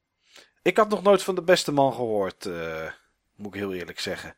Het is bijna een cheat, maar ik heb hem toch als game karakter bestempeld. Omdat het net zoiets is als bijvoorbeeld eh Super Bonk. Dat dat op de dood staat. Super Bonk is trouwens echt een gruwelijk slechte game. Dat ken ik helemaal niet. Ik weet niet eens wie Super Bonk is. Dat is van, Wel eh, joh, dat is Bonk van, eh, van Hudson. ja, van de oh, ja. Graphics. Ja. TurboGrafx. Oh, op, de. Amiga, op de Amiga heette die Super BC Kid. Ja, dat ken ik wel. Ja, ja ik zie een plaatje inderdaad. Ik weet wel wie het is. Ja. Nou, heel, heel apart. Ja, een aparte keuze, eh, Niels. Maar goed, eh, als dat jouw keuze is, dan mag dat. Ja, die mag terugkomen. Ja, Steve. eh, krijg jij mijn wenkbrauwen nog verder omhoog? Nee, ik, Gelukkig. eh, ik heb eventjes nog een eh, logische keuze. Ja. Wonderboy. Oeh. Is Ja. die wel vergeten, Steve? Ik heb Tuurlijk die is- overwogen. Tuurlijk is die vergeten. Wanneer is er voor het laatste Wonderboy game eh, gemaakt? Minder dan drie jaar geleden. Ja, die remake zeg maar op de, op de Xbox Live Arcade en Ja. zo. Maar eh, ja, ik denk dat heel veel mensen Wonderboy ook zouden betitelen als een, eh, als een vergeten karakter. Nou, zeker Dat is, weten. ook, dat is ook geen nieuwe game, maar dat is zeg Oké. maar een, eh, een heruitgave van een game die, eh, die even oud is. Ja, eh, ik bedoel, al die games die op de Wii eh, Virtual Console uitgekomen zijn, dat, zijn ook, dat, die, dat tel ik ook niet als nieuwe games. Dus eh, Nee. oh, mij nou is snap gewoon ik, eh, ik snap één ding. Ik heb de titel anders geïnterpreteerd dan jullie. Ik heb vergeten echt ge- geïnterpreteerd als vergeten door ons, door de gamers. Niet vergeten door de publishers of de developers. Nou, maar ja. Wonderboy is echt een, nog steeds een hele populaire game om te sparen. Als je bijvoorbeeld Master System spaart. Dan is het een van de, van de bekendste titels. Ja, klopt. Maar eh, ja, het is, het is al. Laat ik het zo zeggen. In die tijd, in de tijd van de Master System en de Mega Drive, is de hele reeks games eh, van Wonderboy eh, verschenen. Ja. Ja. En de laatste game die, eh, die ik ken, dat is eh, een game die alleen in Japan is verschenen. Die ik toen al aangestipt heb. Monster World 4, met dat meisje. Ja. Aisha uit mijn hoofd. En dat is gewoon zo'n goede game. En eh, eh, Wonderboy 3, The Dragon's Trap en Wonderboy in Monster World. Het zijn echt zulke heerlijke games. Alleen ja, al jaren geen nieuw deel meer. Nee. Daar zou ze een, eh een 2,5D of een mooie HD 2D game van, eh, van moeten maken. Een Wonderboy game. Ja, er zat ook volgens ik. Het is wel lastig voor mij om, om die game naar voren te halen. Omdat ik het echt al heel lang niet gespeeld heb. Ik heb hier ook even de lijst voor me. En ik zie Wonderboy 5, Monster World 3. Zie ik inderdaad dat het de laatste game is die zeg maar echt uitgegeven is in de reeks. En enkel voor de TurboGrafx. Dus het is iets wat ik ook totaal niet gespeeld heb. Daar heette die de Dynastic Hero, zie ik staan. Eh, ja, maar Dynastic Hero is eigenlijk een remake van Monster World. Oké. Maar volgens mij waren die games best wel pittig en uitgebreid, of niet? Die Wonderboy games. Verschilt een beetje per Wonderboy game. Maar bijvoorbeeld Wonderboy in Monster, eh, Monsterland is echt moeilijk. Ja. Jeetje zeg, dit zou ik eigenlijk wel weer een keer willen spelen. Ja, het is ook echt heel leuk en heel erg tijdloos. En eh, ik weet van dat Niels groot fan is van, van Zelda 2. Ja, dit zit gewoon in dezelfde categorie eh, ja, spellen. Combinatie van platformer en action adventure. Ik zit even te kijken, jongens, waar de eerste Wonderboy game allemaal voor uit is gekomen. Maar, de eer, de- maar het is op een gegeven moment twee richtingen opgegaan. De eerste Wonderboy game is een afwijkende game. Dat is eigenlijk zeg maar... de- dat is uiteindelijk de serie geworden die we kennen als Adventure Island. Oké. En, en vanaf de tweede Wonderboy game is het zeg maar een hele andere richting opgegaan. En ehm, dat is met name de richting die mij heel erg aanstaat. Oké, ik zie dat de eerste inderdaad, die is voor heel veel platformen uitgekomen. Ja, en de tweede ook wel en daarna steeds minder. Oké, raar eigenlijk dat dat, eh, dat dat zo afgenomen is in die tijd. Ja, Wonderboy, wat een goede, wat een goede toevoeging, Steve. Hulde. Nou, bedankt. Ik zie inderdaad Wonderboy en Wonderboy Monsterland. Ja, dat zijn eigenlijk de twee eh reeksen. Monsterland en Wonderboy. Ja. Ik heb er ook nog eentje en daar kan je van zeggen van ja, die is niet echt weg. Of die is niet echt vergeten. Maar ik vind eigenlijk dat die in de, de, de originaliteit en kwaliteit waar we eh, dit personage, eh, dit karakter in kennen, is die eigenlijk wel vergeten. En ik vind dat die de laatste jaren, terwijl de laatste game die ik ken, mm, volgens mij uit 2006 stamt, vind ik toch dat dit een, eh, een, ja, een karakter is wat vergeten is. En dat is Crash Bandicoot. Die eh, stond ook op mijn lijstje om te noemen, inderdaad. Ja, dat noem ik zeker vergeten. Ja, want ehm, onlangs zag ik nog de nieuwste beelden die er ooit met Crash gemaakt zijn. Ik weet niet of een van jullie ze gezien heeft. Dat was van een, eh, een nieuwe Crash Team Racing die ze aan het maken Ja. waren. Die heb ik ook gezien, ja. Ja, die is geannuleerd in 2010. Daar waren, wat, eh, er waren wat beelden van. Ik vond het ook prima toen ik dat zag dat het geannuleerd was. Ja, het was in development, hè. Ja, uiteraard. Uiteraard. Maar zoals de- op de PlayStation 1, die eerste drie delen. Ja, zo is het nooit meer geworden. Zo volwassen en zo uitdagend. Want als je daarna, en ik heb het gespeeld op de Xbox 360, is er nog een keer. een- Dat is de laatste Crash game die ik gespeeld heb. Ja, het was heel erg gericht op kinderen. Een beetje hetzelfde wat ze met Spyro op een gegeven moment gedaan hebben. Ja. Maar ik vind dat Crash Bandicoot zoals die ooit bedacht was. En ooit. Die tweede vond ik echt goed. Ja, ik vond de eerste drie allemaal goed. Maar twee was van de eerste drie de beste. En dat eigenlijk stopte de reeks daarna voor mij, stopte die wel. Want alles wat daarna uitgekomen is, vind ik geen eer doen aan de naam Crash Bandicoot. Ja, dat is. eh, ja, dus die zou voor mij. eh, die zou wel terug mogen komen. Maar ook dit is eigenlijk, als ik het zo hoor, jongens, weer een karakter wat we in een 2D sidescroller terug zouden willen zien. Nou, of op zijn minst zeg maar de, de opzet die in de eerste twee games eh gold. Ja. Niels, jij hebt ons net verrast met een hele aparte, eh, met een hele aparte naam. Ja, Ik ben benieuwd, heb je nog een derde karakter? Of eh, dat je denkt van, die mis ik. nou, ik mis ze niet echt. Oh, Ik had ehm, bijvoorbeeld Freddy de Vis. Freddy Fish. Ja, Jeetje. Ja, dat waren ook van die educatieve games, toch? klopt. Kom op Niels. Kon je nou niks anders verzinnen? nou even serieus hè.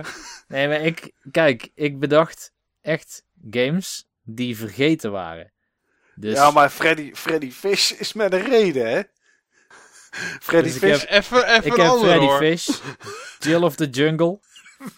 wie is dat? Ja, Jill of the Jungle heb ik ook nog gespeeld. Wie is Jill of the Jungle? Ja, Jill, of the Ju- Jill of the Jungle is een beetje de voorloopster van Lara Croft. ja, Ook al. Maar Rick Ja, maar Dangerous dat- was ook al... Ik zie dit nu, jongens. maar Het ziet er toch niet uit, Niels? Het is toch goed dat we dit vergeten zijn? ja, maar ik zeg toch ook niet dat ik ze terug wil. Oké, oké. Nou, maak je lijstje maar af. Wat heb je er nog Dat- meer op het staan? is wel mooi, het is wel mooi dat Niels echt gewoon een totaal ander soort lijstje heeft dan wij. Ja, Ja, Niels' lijstje is een soort met van ball of shame. Echt, eh, ja, rightfully forgotten.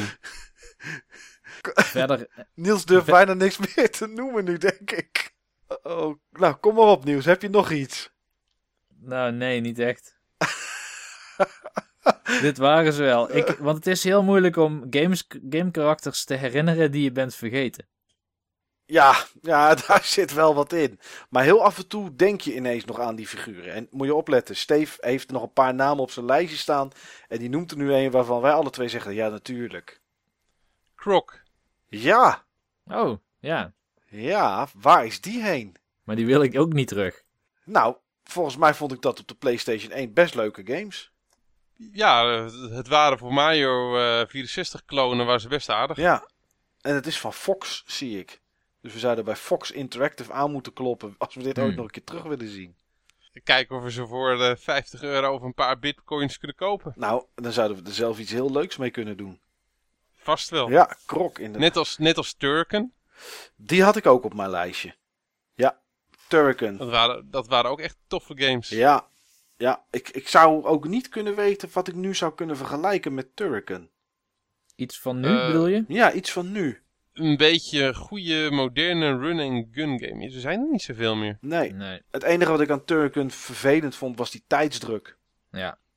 Dat is sowieso, bij sowieso heel veel games vind ik dat Maar vervelend. het maakt Turken ook wel Turken. Zeker weten. Want dan, dat is, dat is ook de druk en de drang om snel te springen en snel, snel, snel en paniek. Ik dacht net heel even van misschien iets als Vanquish. Maar Vanquish is vooral horizontaal, hè? En Turken die kon onwijs hoog springen. Ja, en eh, Vanquish is gewoon zo anders. Ja. Turken is ook wel een beetje contra-achtig op een bepaalde manier. Ja, dat lijkt, Contra is in ieder geval eh, de game uit, uit die tijd die er het meest op lijkt, Ja. vind Ja. ik. Heb je nog iets anders op je lijstje staan, Steve? Om het lijstje even rond te maken. Ja, niet zo gek veel meer hoor, maar eh, Star Soldier. Dat is zeg maar een eh, shooter-serie Ja. op, eh, op met name de PC Engine, niet alleen maar. Ja, Eh, dat is echt een van de betere sh- eh, shooter-series. oké. de, de, de Soldier-serie. Star Soldier, Final, Final Soldier, Soldier Blade. Star Soldier 5, dat was volgens mij een eh, PlayStation, eh, PlayStation 1 game. En Star Soldier 6 is volgens mij een PlayStation 2 game. Oké. Ik Maar geloof, dat kan, ik- kan ik verkeerd hebben hoor. ik geloof wel dat er nog een Star Soldier reboot voor de Wii is uitgekomen. Zou kunnen. Ik zie eh, Star Soldier voor de PlayStation 2 zie ik voorbij komen. Maar ik zie hem niet voor de PS1. Maar die, maar die Star Soldiers, die waren echt eh, cool. Ja. Oké, ik heb dat nog nooit gespeeld. Zeer de moeite waard. Oké. Met, name, met name Super Star Soldier op, eh, op de PC Engine. Die moet je maar eens een keer komen ik spelen. moet toch gewoon eens een keer een weekendje vrijmaken, Steve, en bij jou komen gamen. Want volgens mij is er Dat een gaan we gewoon doen. hoop wat Dat ik gaan we gewoon doen. Ja, Zeker weten.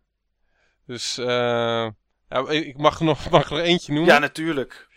Ehm, dan noem ik er eh, noem ik twee vergeten karakters tegelijk. Ja. Die toch wel op zijn minst familie van elkaar zijn. Arthur en Maximo. Oh ja, Maximo inderdaad, ja. En Arthur Ja. ook natuurlijk, maar... eh, Ja, Arthur van, Go- van Ghosts and Goblins. En Daarnaast eh, ook Mexico. Mex Mexico van eh, de zangeres zonder naam Ja. inderdaad. Ja. ja. Maximo. en eh, ja, als ik dan zeg maar toch in hetzelfde rijtje mag blijven. eigenlijk het karakter uit, eh, uit die gamereeks waar ik het meeste mee, eh, mee heb. Ja, dat figuur uit Firebrand uit eh, Gargoyle's Quest en Demon's Quest. Oh ja. Jeetje. Wie is Firebrand? Dat is die gargoyle. Ja. Eh, Oh, oké. Dat is zeg maar eh, die, eh, die rode gargoyle uit, ehm Uit ja, Goals uit and die Ghosts. games. Uh, go- Ja. Goals and Goals and whatever. Goals and goals. Ja, maar, dan, m- maar Van zeg maar uit, Mexico en...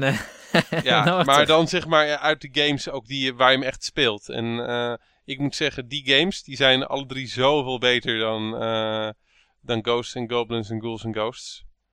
Al is Ghouls and Ghosts ook wel goed hoor, maar eh, eh, de Gargoyle Quest serie, geweldige serie.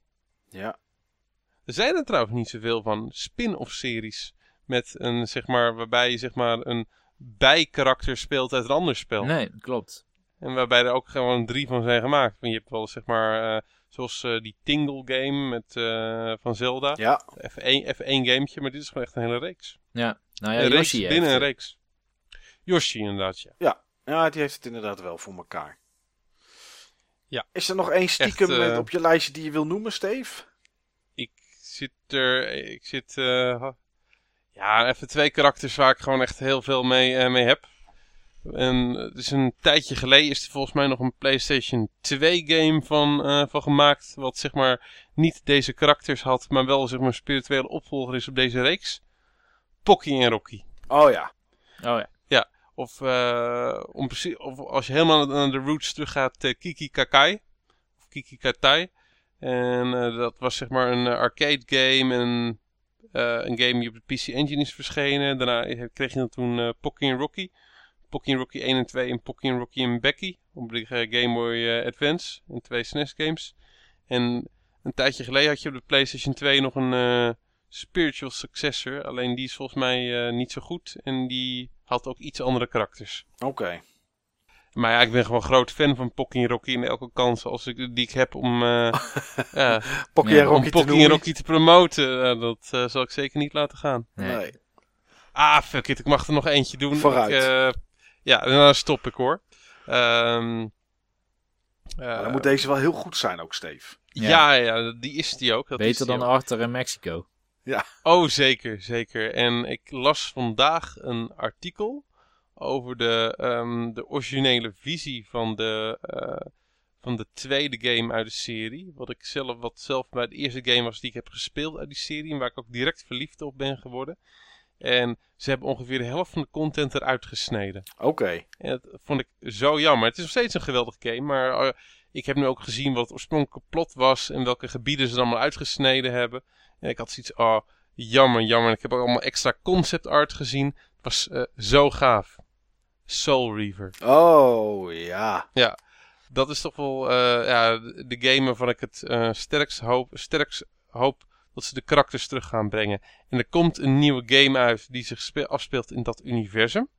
Maar dat is een crappy free-to-play game met allemaal generieke karakters. En niet de geweldige story mode, voice acting, setting van eh, de, de Soul Reaver Legacy of, Ga- Legacy of Kane games die ik gewend eh, ben. Dus dat is wel jammer. Ja. Maar misschien is het een bruggetje naar meer. Nou ja, dat zou, als dit, als dit het goed doet, wie weet dat er dan eh, fans gaan schreeuwen en dat, er, en dat ze inderdaad iets, iets terughalen. Raziel en Kane mogen gewoon niet vergeten blijven. Mooi hoor. Ik had er zelf nog, eh, nog drie op mijn eh, lijstje staan, omdat er één en twee, één of twee hier en daar weggekaapt eh, zijn. Maar er zit ook één bij waar ik over twijfel. En dat is de eerste die ik ga noemen, omdat ik denk dat hij het nu niet meer zo goed zou doen. En dat is Earthworm Jim. Ja, Waren leuke games. waren leuke games over, eh, met het, om het bizarre heen. Met koeien en koelkasten en weet ik veel wat. Die, eh, Die tekenfilm was ook leuk. die tekenfilm heb ik wel eens een aflevering van gezien. Niet zo heel veel, dus daar kan ik me niet zoveel meer van herinneren. Maar dat waren leuke, leuke platformgames. eh, eh, kleurrijk, grappige animaties erin. Dat, eh, ik weet niet Ik of het... vond ze echt helemaal niks. Maar goed, het- Waarom niet?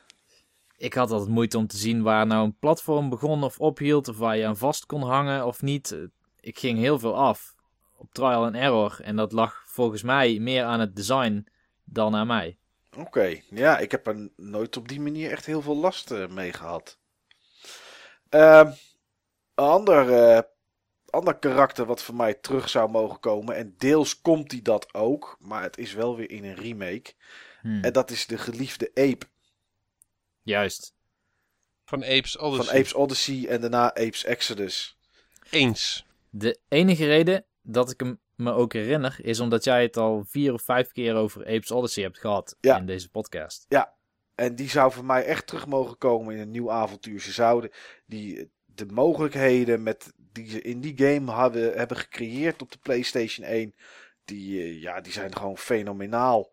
Het, het praten, het, het soort mind controlen van tegenstanders.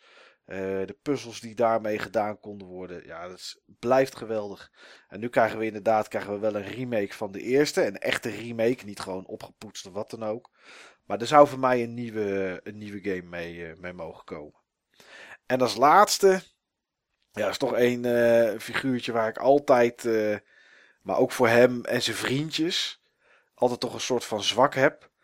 En eh, wat nu waarschijnlijk met de technologieën van vandaag en de drumstellen en de gitaren die er zijn en de microfoons helemaal perfect zou kunnen. Ik weet wat je gaat zeggen. Een klein mannetje. Een klein mannetje, Die rap van tong is. zeker weten. En die samen met Master Onion, Kick, Punch, It's All in the Mind riep. En dat is Parappa de Rapper. Ja, juist. Ik vond dat zulke leuke games. En ik vond die, al, die, al die karakters die ze geschapen hadden, hadden allemaal zoiets aandoenlijks en, en grappig. En het was best nog een pittige game. Die muziekjes waren catchy. En ja, dat zou voor mij, dat zou voor mij echt terug mogen komen. Eens. Parappa de Rapper. En die je net noemde, eh, Niels Commander Keen, die mag voor mij echt wegblijven. Want dat vond ik echt een scheid, jong. Ah, vond ik verschrikkelijk leuke games. Verschrikkelijk, verschrikkelijk. Maar goed, zoals altijd hebben we ook de mensen op ons forum eh, gevraagd wat die, eh, wat die terug zouden willen zien. En er was dus al door Killing Raptor een eh, tijd geleden een topic gestart. Op 28 december al. Ja, de eerste die hij aanhaalde was, was Wonderboy. Dus ja, goed, Steve, als dat van zo'n topic We hebben het vaak gezegd. Raptor Mitch heeft een goede smaak. Zeker weten. Alleen de tweede die hij noemt is Psycho Fox. Ja, ik ken hem niet. Ja, die is wel heel erg vergeten geraakt. Dat was maar één game op de Master System uit mijn hoofd. Ja, nou ja, op de, op de Mega Drive zie ik je staan. Eh, oh nee, nee, klopt. Op de Master System, want er was ook een eh, spirituele opvolger. Ja, ik, eh, ik, ken hem, ik ken hem niet. Ik zie wel dat het gemaakt is door... Dus dat... Leuke platformen. Oké, nou, ik heb het nooit, nooit gespeeld. Ja, en hij heeft het, heeft het daar ook over, over, over Ryu van, van Shenmue. Ja, Shenmue. Dat, eh, Ja. dat is ook wel een, eh, zowel een serie als een karakter wat op dit lijstje hoort. Ja. En ik vind het vreemd, Niels, Ja. dat jij op eh, zaterdag 28 december hebt gezegd dat je Restar wel terug zou willen zien, maar dat je die deze uitzending niet genoemd hebt. ja, ik ben helemaal vergeten dat ik die toen heb gepost. Oké. Ja. Nou ja, wat zien we nog meer? We zien... eh, Leuk karakter, leuke game. Een van Ja, de dit betere... is nou puur het karakter, zeg maar, wat ik echt leuk vind. En ook die gameplay vond ik... eh, ik zal je bekennen, ik heb hem maar één keer gespeeld. In een McDonald's of zo. Maar ehm, ik werd gewoon heel erg aangetrokken door, door het karakter zelf. En het was een beetje Sonic-achtig, maar geen Sonic. Het is ook game. van Sonic Team, van de makers van Sonic. Ah, oké. Oké. Ehm, weet je welke ik in één keer aan denk, jongens? Zool. Ik ga er voor de rest niet te veel over uitweiden, maar die had voor mij ook nog wel eh, een gamepje mogen krijgen. Ik krijg spontaan eh trek in Chupa Chups. Nou, zeker weten zeg. Ehm, de Heather Grace komt met Jennifer Tate uit Primal. Ja, het, eh, was het enige karakter wat ze op dat moment kon bedenken. Ja, het, ik ken het hele, het hele kind ken ik niet. Ja, Primal, dat zijn nou niet echt, eh, dat is niet echt de meest geliefde game reeks. Nee. Ruud kwam met Kuros van de Wizards en Warrior reeks. Goeie keuze, goeie keuze. En als tweede had hij Mike Jones van de Star Tropics serie. Ja, echt de NES-karakters, hè? Ja, Oh, die derde. Dat Daar sluit ik me bij aan. Plok. Blok. Zo'n kerel, Blok. Ja, hij ziet er heel stoer uit. En eh Hij meent het, hè? Plok meent het. Ja. Oh, nou, dat is, eh, dat is wel goed. Eh Joko Jur komt met, eh, met Gex. Ja, Gex de Gecko. Die is inderdaad ook eh, PlayStation 1 en daarna eh verdwenen. Die is nu zeg maar aan het, eh, aan het kaarten samen met, eh, met eh, Croc en met, eh, Met Crash Bandicoot. met Crash Bandicoot inderdaad. Ja. Ja. En eh, hij vraagt, eh, en erger nog zegt hij, waar is Boogerman? Ja, die is waarschijnlijk snotjes uit zijn neus aan het Ja, dat vissen. denk ik. Of wc, eh, wc's aan het ontstoppen. Nou ja, goed. We hebben eh, daarna Earthworm Jim in het topic staan. Crash Bandicoot. En eh, nou, iemand heeft het over iets met Legacy of Kane. Nou, dat goed is. Ik ben tenminste consistent. hè? Zeker weten. En Banjo en Kazooie had je het over, eh Steve. In dat topic. Ja, maar daar had ik het laatste over gehad. Ja, met Nuts en Bolts. ja, Ja. Ehm, die zou ik echt graag terug willen zien. Maar dan wel zeg maar in een, in een platformer van de kwaliteit Mario Galaxy, van de kwaliteit Super Mario 3D World. Eh, ja. ja, en gewoon die originele Banjo-Kazooie games, wat ze dat gaaf zijn. Ja, maar ik verwacht het niet meer van Rare. Nee, Rare is dood. Ja. Rare bestaat ook niet meer. Nee, maak alleen nog Kinect Sports. En meer doen ze niet. Dat is ook niet Rare. Alle mensen van Rare zeggen gewoon weg. ja, joh. Dat is, eh, maar... dat is Rare in name only. Ja. Eh Kai, Kai, Kyron Jin, die eh, heeft het over Ben van Full Throttle. Ja, dat is, eh, Ook tof. was een Ja. tof, tof karakter, maar ja, Absoluut. maar één, maar één game. Hij zegt zelf ook, er was sprake van een deel 2, maar dat leek waardeloos te worden toen is het geschrapt. Eh, Wolf heeft het over Bubsy. Ja. Nou, Bubsy is vaak genomineerd als een van de slechtste karakters. Of eh, de slechtste gameserie.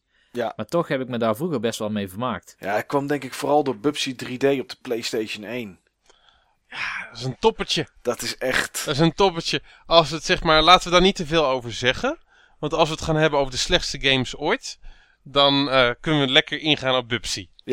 Dat gaan we ik dan... heb eh, eh, laatst nog een Bubsy gespeeld trouwens. Er is vorig jaar volgens mij nog een Bubsy uitgekomen. Ik heb dit weekend ook met een Bubsy gespeeld trouwens. Maar goed, dat is een ander verhaal. Dat, was ook niet dezelfde Bubsy, denk ik. Nee, nee, zeker. Als, jij, als die al meer dan een jaar oud was, hoef ik hem niet meer. Maar anyway, ik zag eh, ongeveer een jaar geleden een topic op het forum NeoGAF. Dat is een heel bekend groot internetforum. Over eh, een nieuwe Bubsy 3D. En het bleek eigenlijk te gaan over een soort Unity 3D indie experimentje. Waarin je met een eh Bubsy model kon rondlopen in een wereld. En je zag ook andere Bubsy models lopen. En het bleek dus dat die anderen dus ook allemaal echte spelers zijn. Dus het is een soort massive multiplayer online Bubsy. Top En man. dan, en dan in 3D. Dan, Mijn, Ja. wereld, mijn wereld is pas compleet nu ik weet dat dit bestaat. En hij kon ook iets van, je kan ook zweven of zo door op spatie te rammen. Ik weet niet meer wat het was. Ik denk dat zelfs die PlayStation 1 game beter was dan deze Bubsy. Oké. Vast wel. Ik zie ehm, dat ik zelf in die tijd ook gereageerd heb met Commander Keen. Maar dat was meer sarcastisch. Ik had het ook over Bobbin uit Loom. Hoofd, eh, hoofd. Oh, zo'n mooie game. Zo'n mooie game. Daar wil ik nog een keer eh, de PC Big Box eh, versie van. Ja. Ja, heb je hem wel, Steve, op dit moment of niet? Maar Nee. Dan gaan wij vanavond gelijk mijn Steam-account delen, jongen. Want daar staat hij op. Ja? Cool. Ja. En een game die ik nu niet genoemd heb, wat eigenlijk wel een beetje schande is. Dat is, eh, waar was The Last Ninja? Ja, wat is daarmee gebeurd? Die zal ook wel in, eh, in de rechte hel terechtgekomen zijn. Ja, dit was van System 3. En ik weet niet naar wie dat toe is gegaan eigenlijk. Zo, wat is er met System 3 gebeurd, joh? Eh, ik zie dat ze nu independent zijn. System 3, de UK's most successful independent game publisher. Petit Squad en de Pinball Arcade. En nog meer Putty Squad. En nog meer Putty Squad. En eh, Williams Pinball, Arcade, Pinball Classics, die hebben ze ook gemaakt. Ja, die heb ik. Dus dat is wat ze tegenwoordig doen. Oké. Dus overigens maar de vraag of ze nog die rechten hebben. Ja, zou zomaar kunnen zijn dat het... eh nee, je hebt games en dan heb je classic games. En daar zie ik eh, Last Ninja staan. Cool man. Last Ninja, Last Ninja 2, Last Ninja 3 en Last Ninja Remix. Internationaal Karate en Internationaal Karate Plus. Oh, die ken ik wel. Geweldig, die zijn ook van hun tof. Ja, die is ook voor hun. En deze kende ik niet. Ze hebben ook, ze hebben ook Toshin 4 gemaakt, joh, dat wist ik ook niet. Ik zie ook, eh, jeetje, James Pond hebben hun ook gemaakt. Codename Robocot. Daar komt een nieuwe van. James Bond komt terug. Oh, echt waar joh. Volgens mij wel. Maar volgens mij is dit alleen een remake van... eh, Ze hebben die remake gemaakt, maar dat eerste deel is niet van hun hoor. Oké. Eh, James Pond, codename available op GBA, PS2, DS en PS1 zie ik hier staan.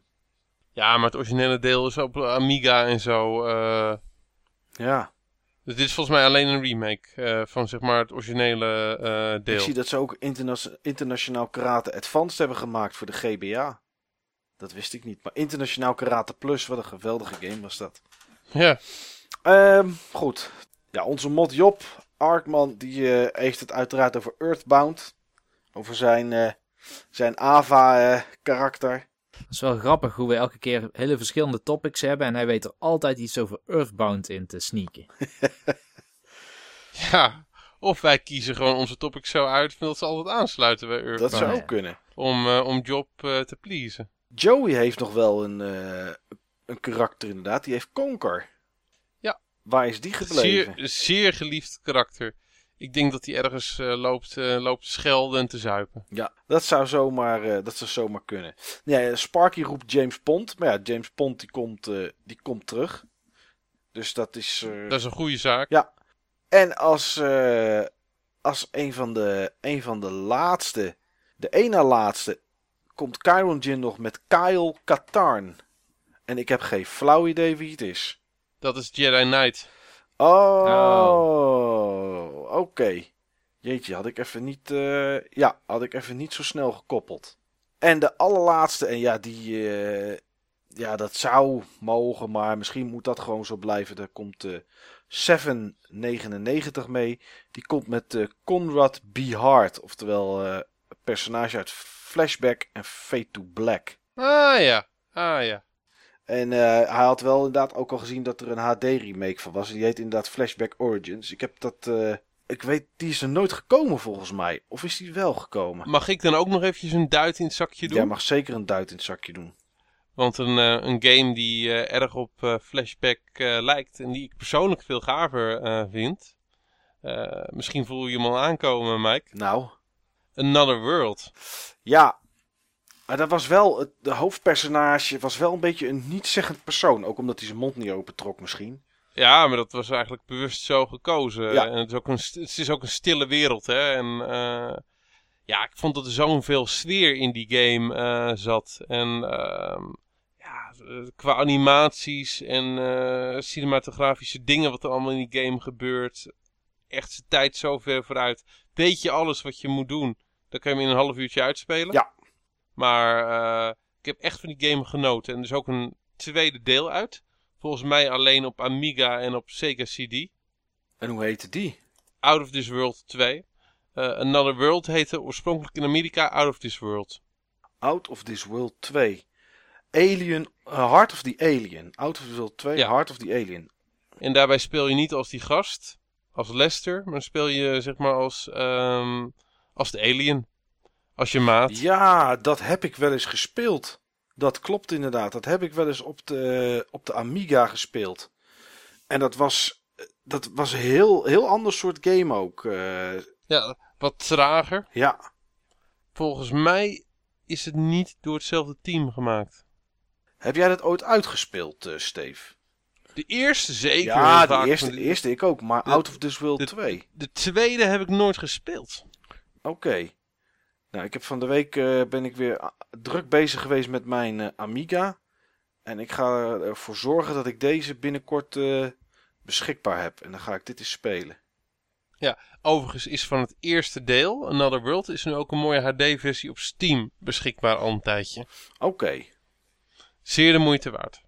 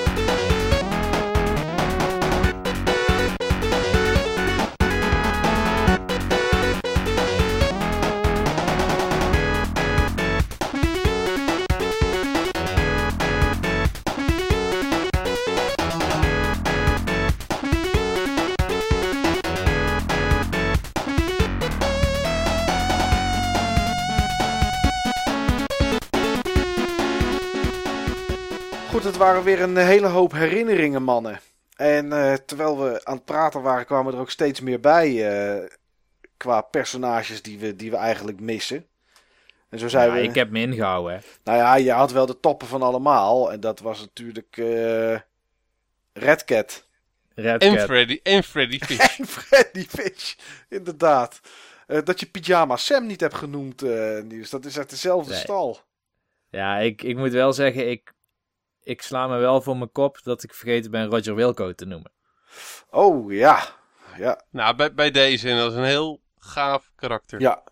Uit een hele coole game. En ik heb Space Quest. Space Quest. Ja. Dat is. eh, ik wilde eerst nog Larry noemen, maar Larry is de laatste tijd is daar. Dus je hebt natuurlijk onlangs nog die LO remake of die is, Ah, nog, die zijn, die is nog niet eens Die is uit. afschuwelijk. En heb je nog die eh Magna Cum Laude eh, serie met zijn neefje. Ja, dat is verschrikkelijk. Op de Xbox was dat. Oh jongen.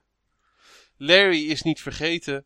Larry is vermoord. Ja, hij is verkracht door Passionate Patty. Ja. Ja.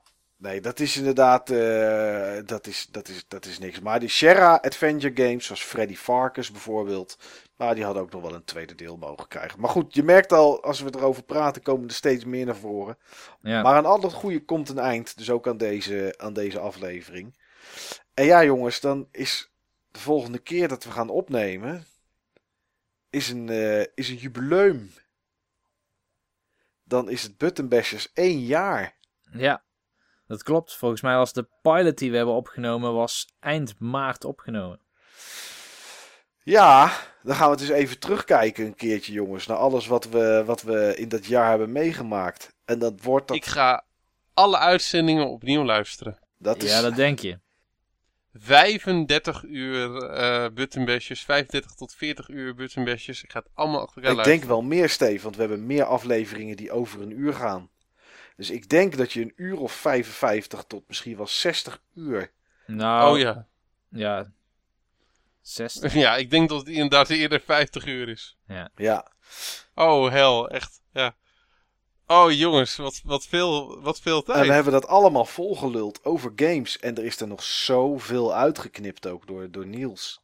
Ja. Waarvan ik misschien juist wel volgende aflevering weer dingen erin knip. Als je ze nog hebt liggen en je weet nog waar memorabele stukjes zaten. Bijvoorbeeld, de, hoe vaak hebben jij, Steve... Nee, we gaan, het- we gaan het nu niet doen. We gaan het nu niet doen. Er komen nu allerlei Nee. dingen naar boven. Dat moeten we gaan niet we doen. niet doen. Dan is de lol voor de volgende keer weg. Ja. Dus eh, ja, dit keer, eh, dit keer geen topic op het forum met... eh, ja, hè, hoe, hoe... Nou ja, misschien ook wel. Misschien moeten we het wel aan de mensen vragen. Misschien moeten we vragen wat die Ja. memorabele momenten vonden. Dus een beetje, een beetje zelfbevrediging, maar kom op jongens, dat mag ook wel een keer. Dus eh, ja, dat is de volgende aflevering jongens. En dan, eh, Jullie favoriete momenten op, het, op de podcast, op het forum. De mooiste stukken van een jaar lang Buttonbashers. Ja, en laten we trouwens ook niet alleen maar terugkijken volgende aflevering, maar ook een blik vooruit werpen. Ik denk dat het een heel goed punt is om vooruit te kijken. gaan we doen. En ook weer eventjes onze plannen eh, wat strakker te trekken. Ook even wat deel van, een deel van onze plannen te delen. Beetje hetzelfde als onze gezichten onlangs zijn gedaan, eh Steve. Alles even strak Ja. trekken. Joh, op onze leeftijd moet dat weer. Ja. Maar dan kunnen we er jaren tegen. Nou, zijn we weer als nieuw. Dan zijn de vrouwtjes weer blij. Ja, want die zijn toch wel Zijn we belangrijk. vetkuif nog niet gezien. Nee, maar wel geroken denk ik Niels. Als je dat eh, al vier maanden niet uit hebt kunnen wassen.